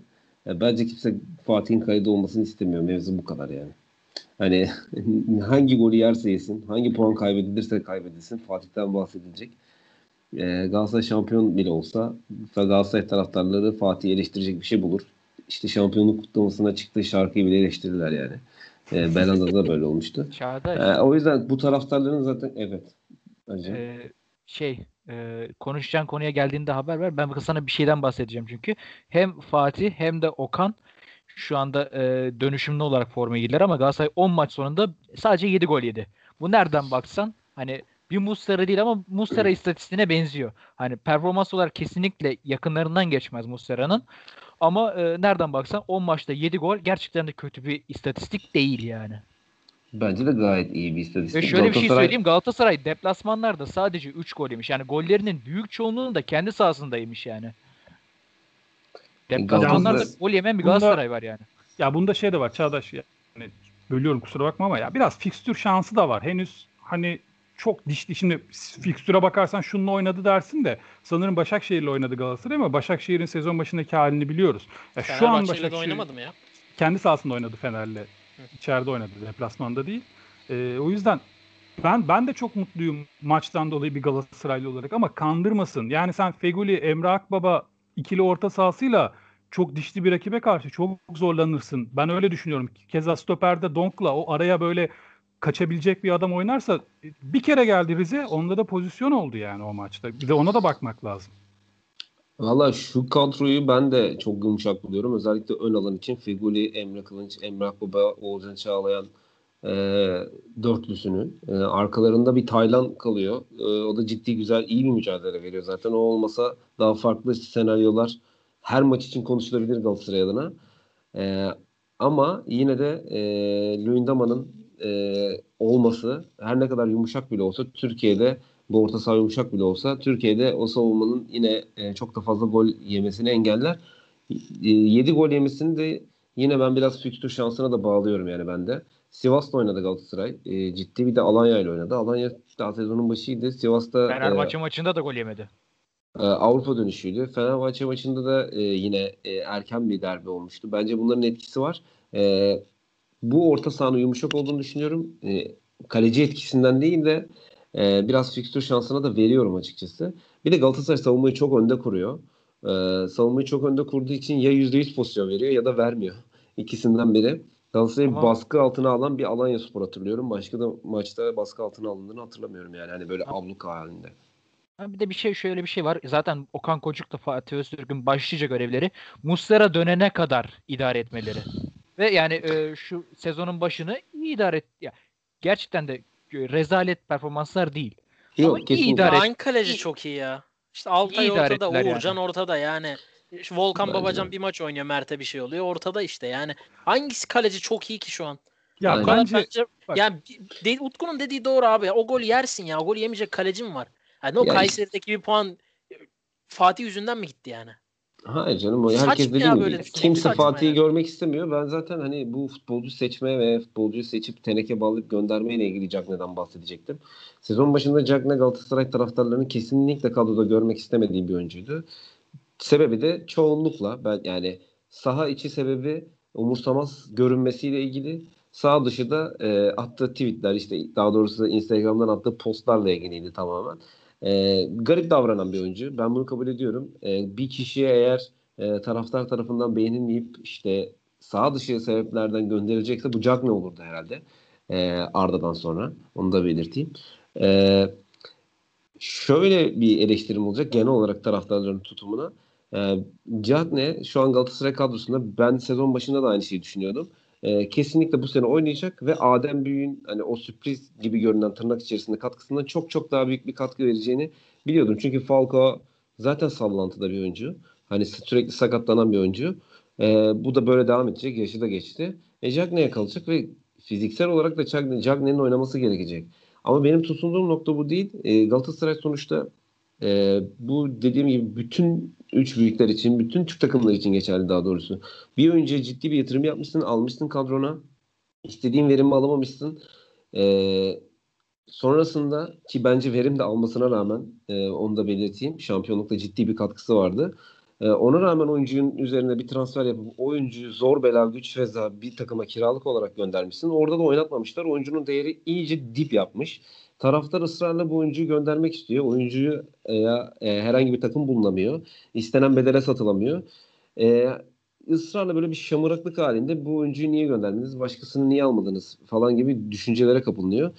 E, bence şu anda herhangi bir Türk takımının böyle bir oyuncuya yatırım yaptıktan sonra bunu gönder, bunu al deme şansı yok.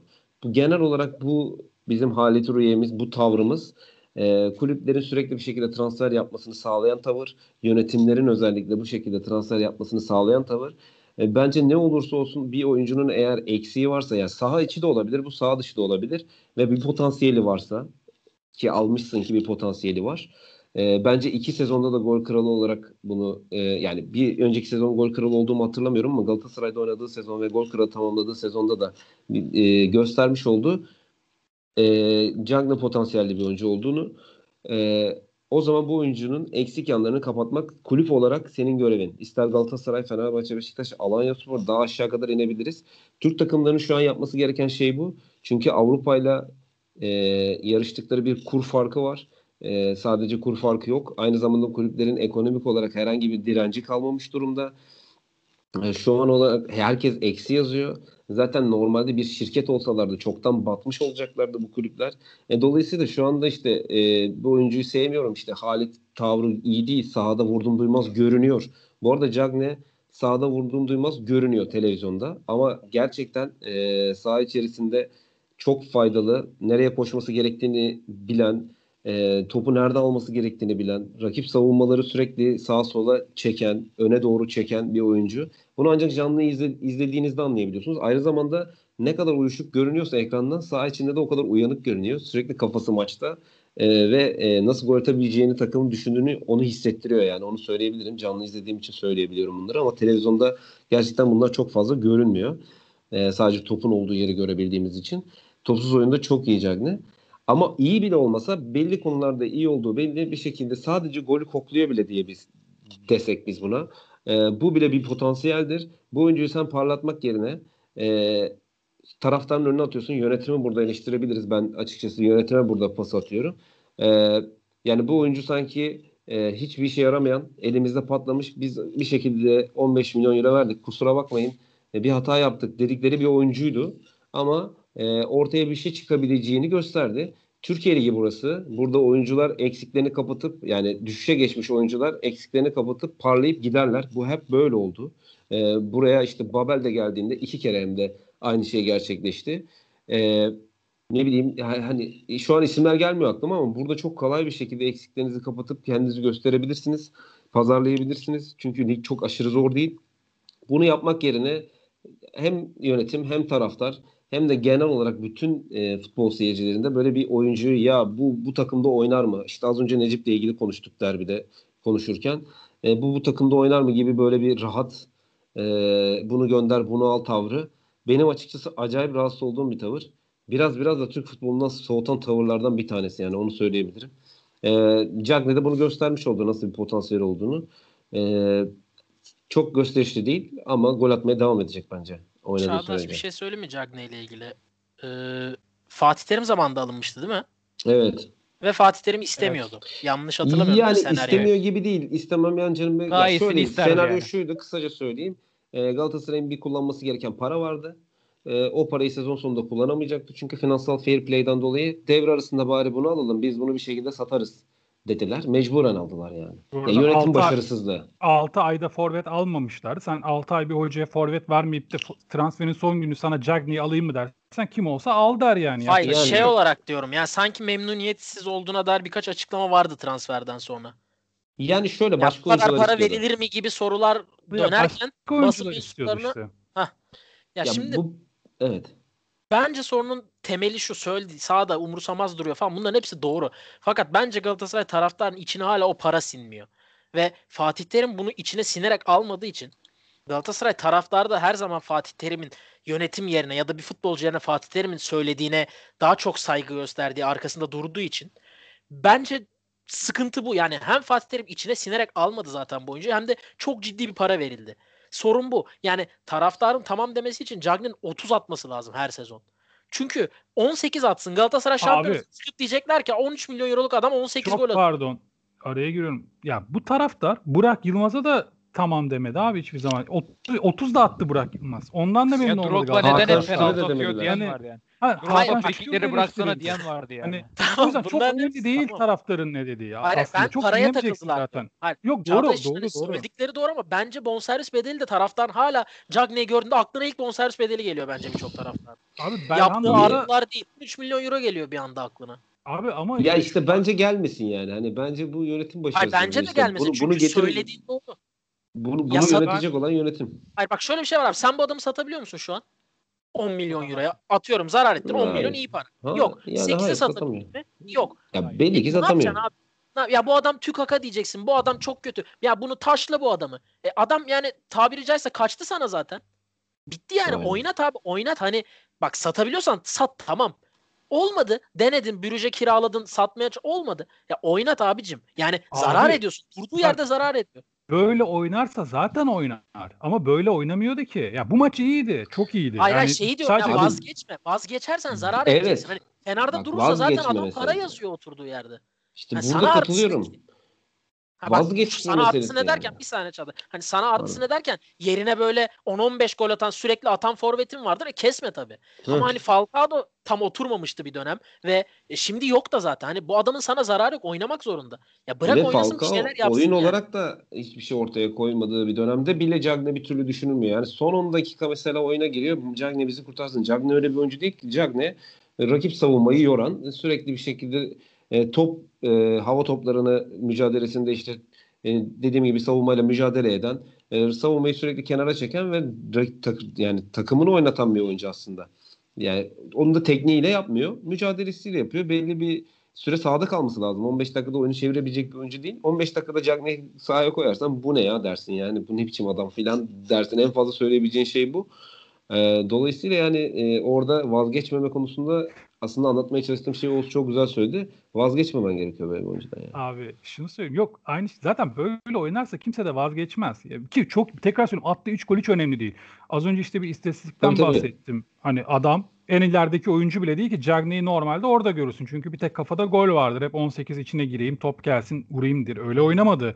Asist de yaptı, gol olmadı sadece. Alver yaptı, yardıma geldi. Bir de adamda öyle bir fizik var ki ben bunu zamanında Donk için söylüyordum. Donk berbat oynuyordu. Ya fiziğine bakıyorsun Donk'tan her şey olur diyorsun. Hiçbir şey olmuyordu o dönem. Sonra Fatih Terim geldi. Donk hala bile ne kadar iyi görüyoruz işte. Şimdi Cagne de öyle. O fizikle her şey oluyor. Ya Süper Lig'in fiziği en böyle hani korkutucu oyuncularından bir tanesi, forvetlerinden bir tanesi ama adam ayakta durmak gibi bir derdi yoktu adamın. Bu maç öyle değildi. Bu maç çok iyi oynadı. Attığı gollerden Biraz bağımsız. şeyle ilgili olabilir mi? Araya giriyorum ama yani Oğulcan'ın işte eee, senin söylediğin ısı haritasında en önde çıkması acaba e, daha önceki maçlarda ısı haritasında daha öne çıkabilecek bir oyuncu olmadığı Abi için kesinlikle Cagney kötü etkiledi. Yani bu taktiksel olabilir mi? Hani onu Abi söylemeye kes, bak, çalışıyorum. aslında. kesinlikle olabilir. Bir de şu var. Ben, benim birkaç program önce ne zaman hatırlamıyorum söylediğim bir söz vardı. Cruyff'un sözüydü. Bir oyuncunun sahada topla oynayacağı süre 2 dakikadır. Onu iyi futbolcu yapansa 88 dakika boyunca ne yaptığıdır sahada diye. Şimdi aslında Oğulcan'ı Galatasaray taraftarına sor birçoğu memnun değildir. Çünkü topa ayağına aldığında işte çok şık bir hareket yapmadı, kimseyi geçmedi gibi böyle eleştiriler de vardı. Ama abi önemli değil 2 dakika boyunca topla ne yaptığı. O koşuyu Ya atması o işte kadar şey önemli Larin, ki. Larin mevzusu. işte, Larin, Larin. aynen ya o kadar kıymetli ki o koşuya atması. Yani or- alanı boşaltıyor, orayı boşaltıyor, bekin çıkmasını sağlıyor. Bunlar çok kıymetli şeyler futbolda. Ama Cagne'de şu var. Ya Cagne çok aslında münasır bir tip. Ya Gerçekten. öyle. Şimdi yani gözümün önünde böyle sahneleri geliyor. İşte bir corner pozisyonunda kendisini biraz kısa bir oyuncu tutuyor. Cagne böyle gülerek adamı gösterip topu bana atın diyor ama kahkaha atıyor. Bu diyor kısa, topu bana atın diyor. En son Maradona ile ilgili bir paylaşım yaptı. Yani Maradona'yı kaybettik yakın zaman önce. Dünya futbolu Maradona'yı kaybetti. Millet işte paylaşımlar yapıyor. Siyah beyaz Maradona fotoğrafları, ağlayanlar bilmem ne. Cagne neyi paylaşmış abi? Kafa topuna çıkmış elle. Onu paylaşmış. Rip Maradona yazmış. kendi, kendi fotoğrafını paylaşıp almış. Böyle bir adam Cagne. Aynen öyle. Valla dediğim gibi hani Cagney ile ilgili benim söyleyeceklerim bunlar da e, bu Cagney özelliğinin hani Cagney'den yola çıkıp genele bir eleştirimdi açıkçası. Ben genel olarak bu Türk serisindeki tukaka tavrını ya da acayip göğe çıkarma tavrını daha gelmeden oyuncular işte transfer ihtimallerinden takımları şampiyon ilan eden Haleti Rüya'dan çok rahatsızım. E, beni hakikaten soğutuyor yani. Sahada ne oynanıyor ne oynanmıyor. Mesela Oğulcan'la ilgili bir eleştiri olabilir. Ee, örneğin Galatasaray galip gelmezse yarın öbür gün Oğulcan'la ilgili eleştiri başlayacaktır. Bu adam topu dokunamıyor vesaire falan diye. Ee, topu kontrol edemiyor diye. Ee, ama işte oradaki etkisi bambaşka Oğulcan Çağlayan'ın. Görevi bambaşka ve olması gerekiyor. Gereklilik. Ee, bence bu iki haftada bunu gösterdi. Yani takımın performansının yukarı çıkması. Ee, söyleyebileceklerim benim bu kadardı. Sizin eklemek istediğiniz bir şey var mı Galatasaray'la ilgili? Bitti mi? O zaman e, kısa olarak şunlardan bahsedelim diyorum ben. Trabzonspor e, 1-0 galip geldi ama bence çok kötü oynadı. Takip etme şansı olan oldu mu? Kim söze girmek ister Trabzonspor'la ilgili olarak? Ee, Valla ben biraz izlemedim söyleyelim o ama şunu söyleyeceğim. Ya, Abdullah Avcı takımı nihayetinde fakat şu Trabzon'a iki haftada gol yedirmemek bence başarı. Sadece onu söyleyeyim ben Trabzon'la ilgili. Öyle ya da böyle gol yemiyor artık. Ee, Zaten Arayacağım. açık açıklamalarında da Abdullah Avcı böyle bir şeyden bahsetmişti. Önce gol yememeyi öğrenmemiz lazım. Çünkü e, bu kadar iyi bir kalecin varken, yani potansiyelini gördük çünkü neler yapabileceğinin farkındayız Tabii, tabii. Uğurcan'ın. E, onların önünde de e, Vitor Hugo yine nispeten bence bu ligde oynayabilecek bir stoper. E, yani senin ortalama kalbur üstü bir savunman var ve e, gerçekten de bu lig için olabilecek en iyi kalecilerden birine sahipsin. Önce gol yememeyi öğrenmeliyiz dedi.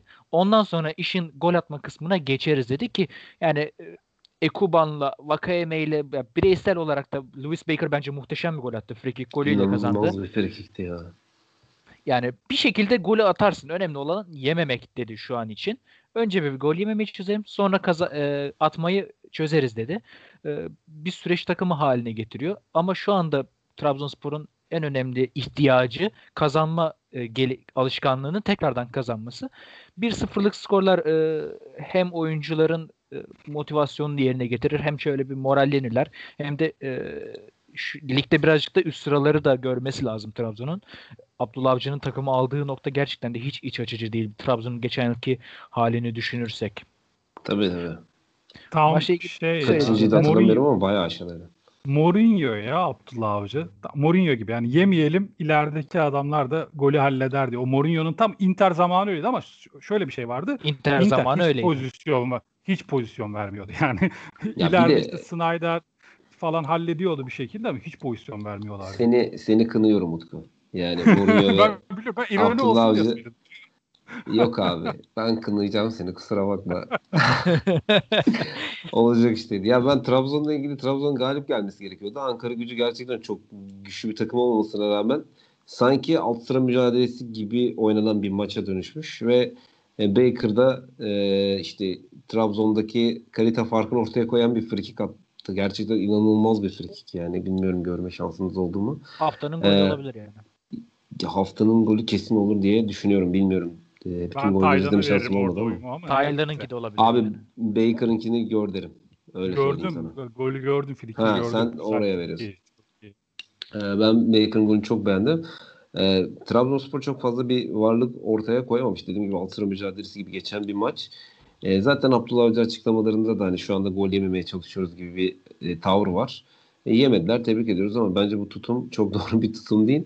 Ama bir yandan da gerçekten hak et yani daha doğrusu e, ihtiyacı olan yanlış söyledim. ihtiyacı olan puanları alıyor. Bir geçiş döneminde Trabzon devam ediyor. Çok da fazla yorum yapabileceğim bir şey yok benim bu konuda.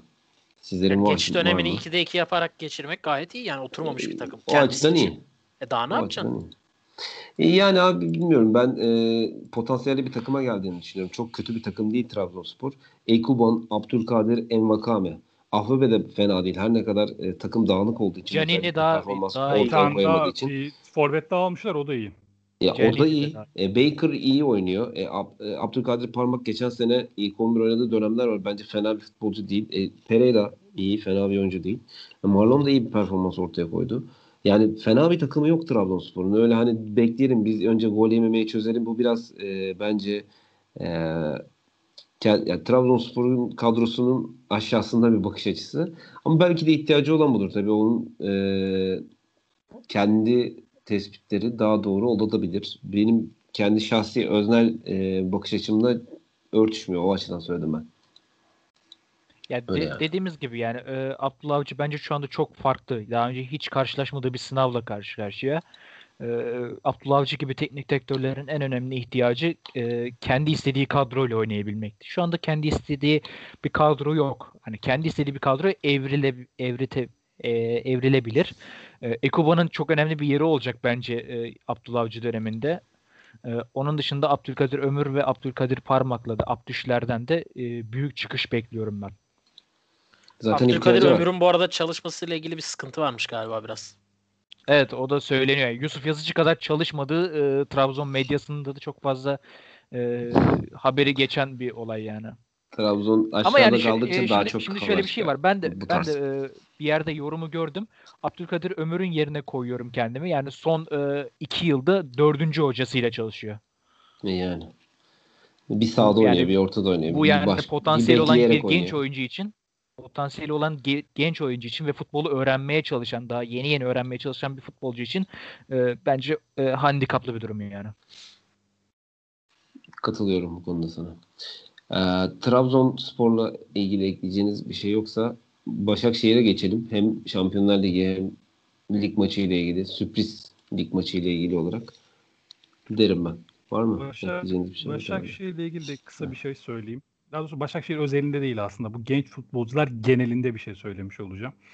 Başakşehir oynadı, skoru aldı. Oyun hep Başakşehir'deydi.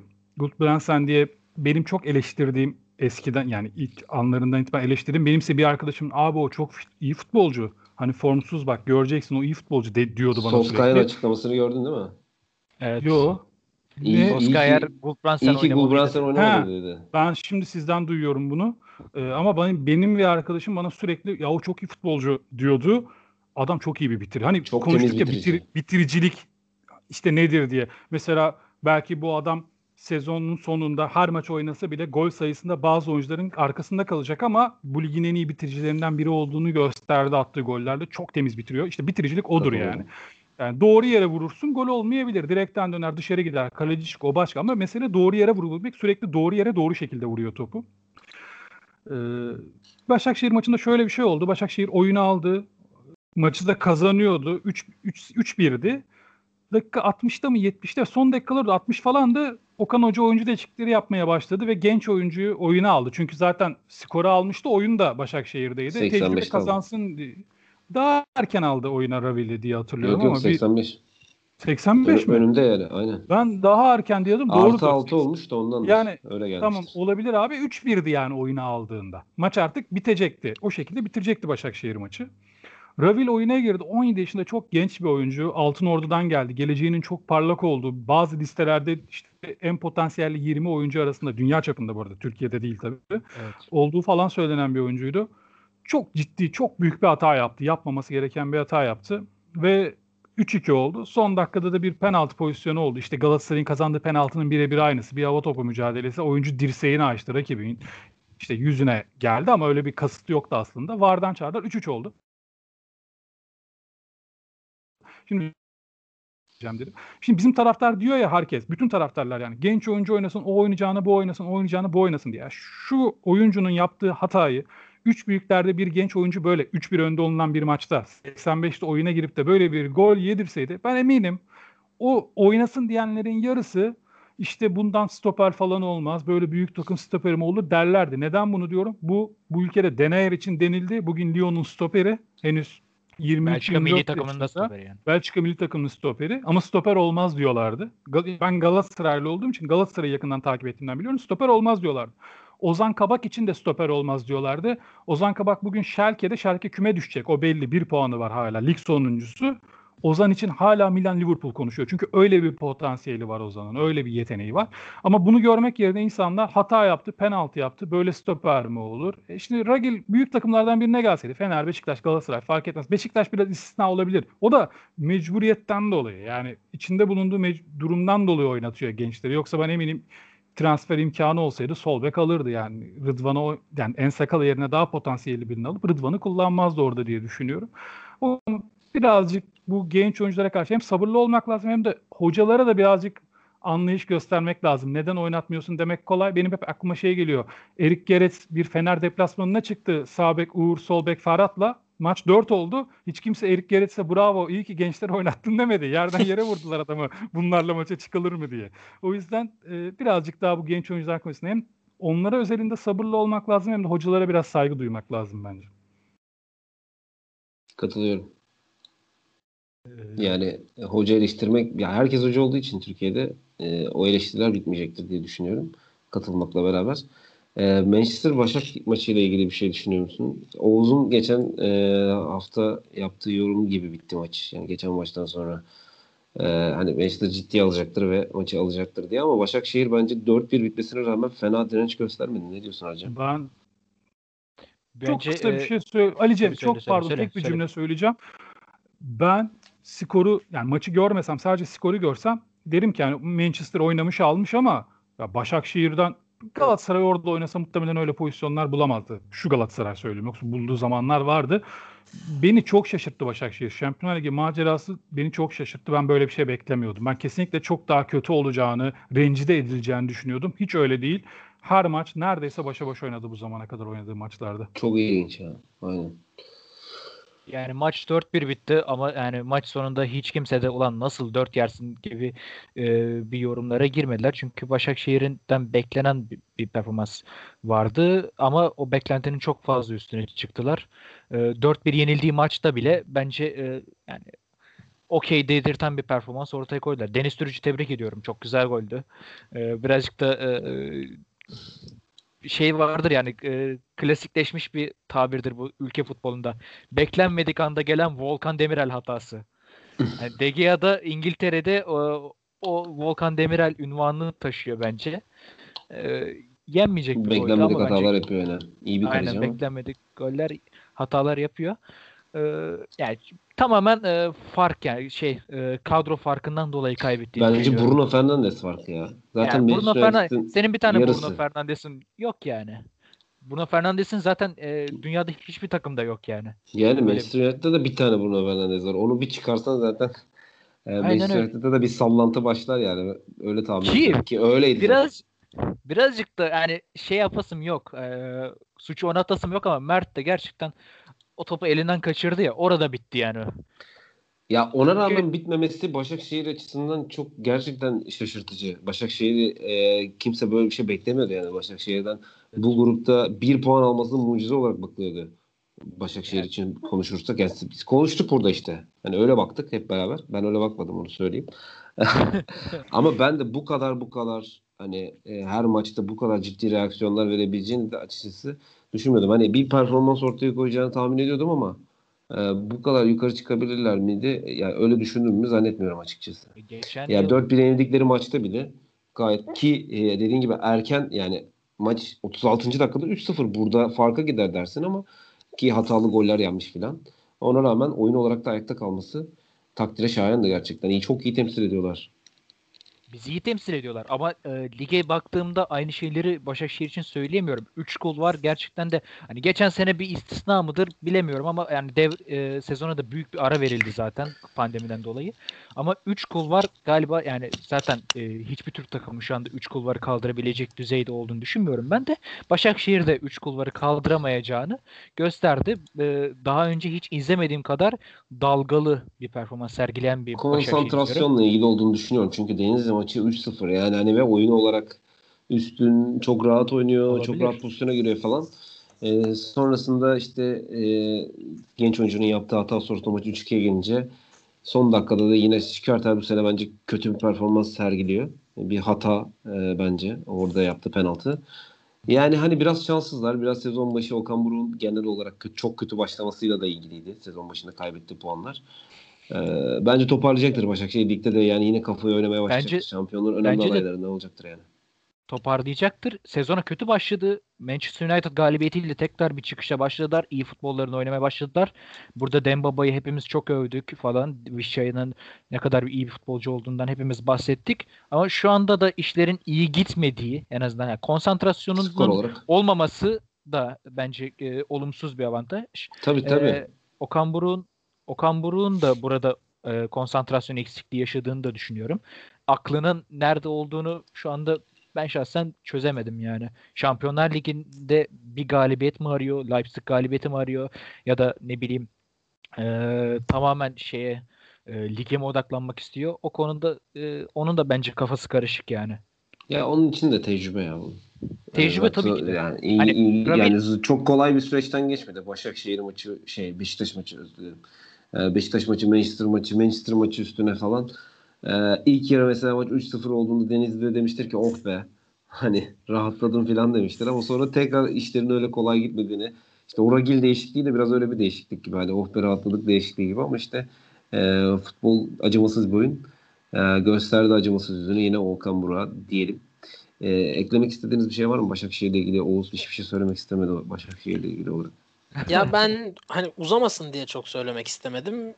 Ben biraz Utku'nun ilk maçta Leipzig için ya Leipzig maçında söylediği aynı şey olduğunu düşünüyorum biraz. Tamam Manchester beklenenin üstünde oynadı ama şey e, Başakşehir Manchester skor alıp rahatladıktan sonra biraz oyun değişti bence. Ya ben sizin kadar iyimser görmüyorum ya. Bence en kötü maçlarından biriydi. En kötü maçıydı hatta grup, söyleyebilirim. gruptaki en kötü Ya, maçıydı. Orası Öyle de burada yani. zaten e, ya tutunduğumuz da ya daha doğrusu başka bir Türk takımı bence çok daha farklı bir şekilde dağılabilirdi. Hem oyun olarak hem skor olarak gibi geliyor bana.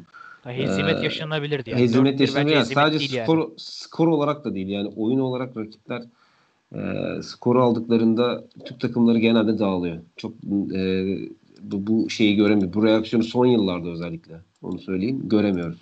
O yüzden kuralları- sevindirici bir gelişme.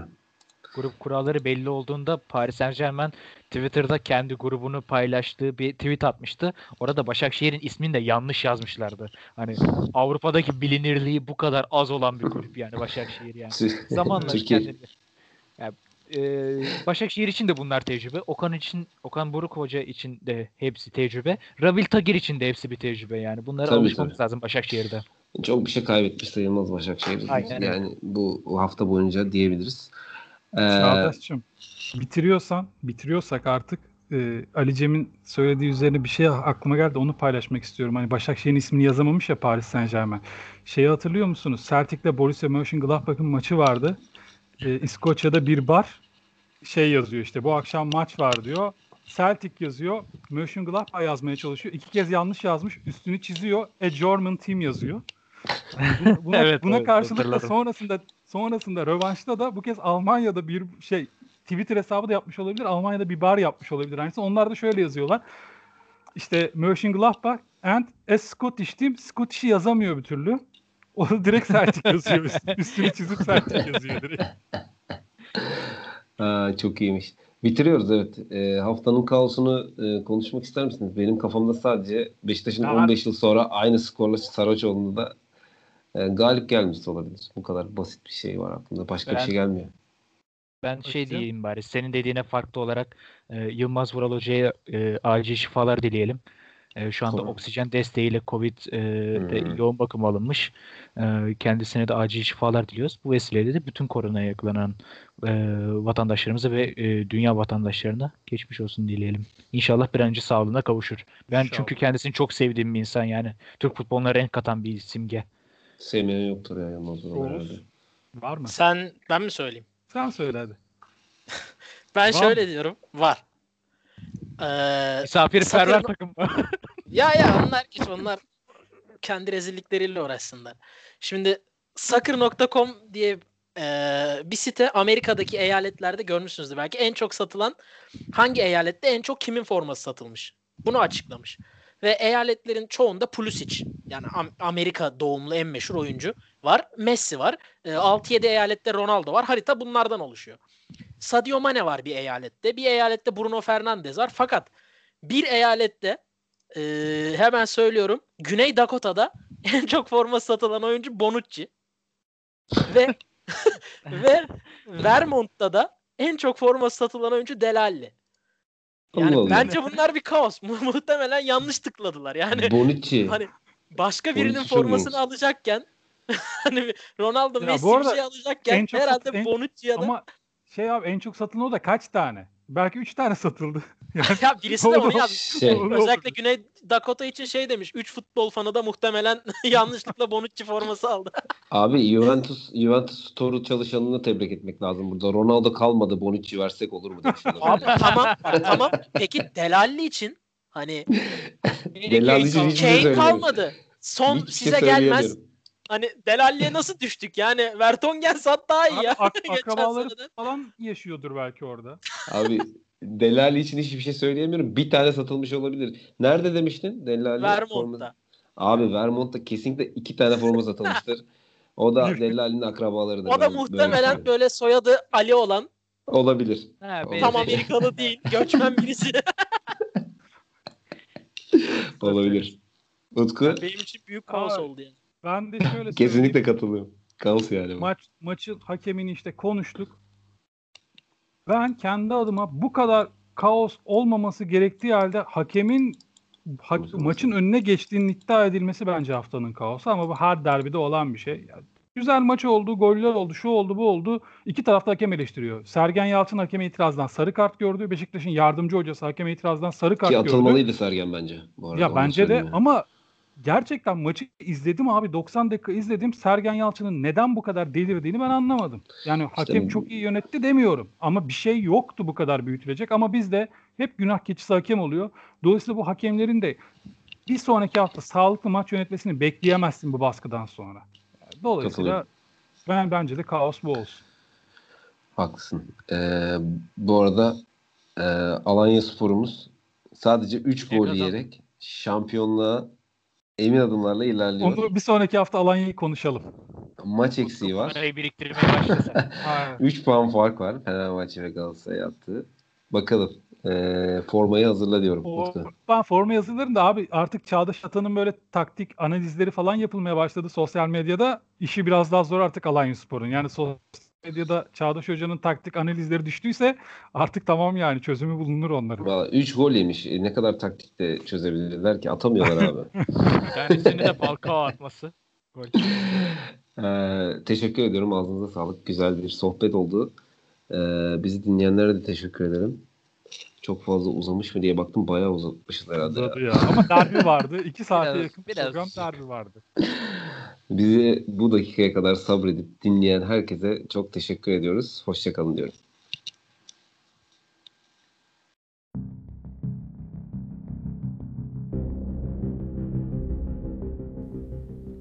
Kaos futbolu. Süper Lig'in nabzı bu programda atıyor. Hazırlayanlar Çağdaş Işık, Oğuz Ağan, Utku Turhan ve Ali Cem Kılınç.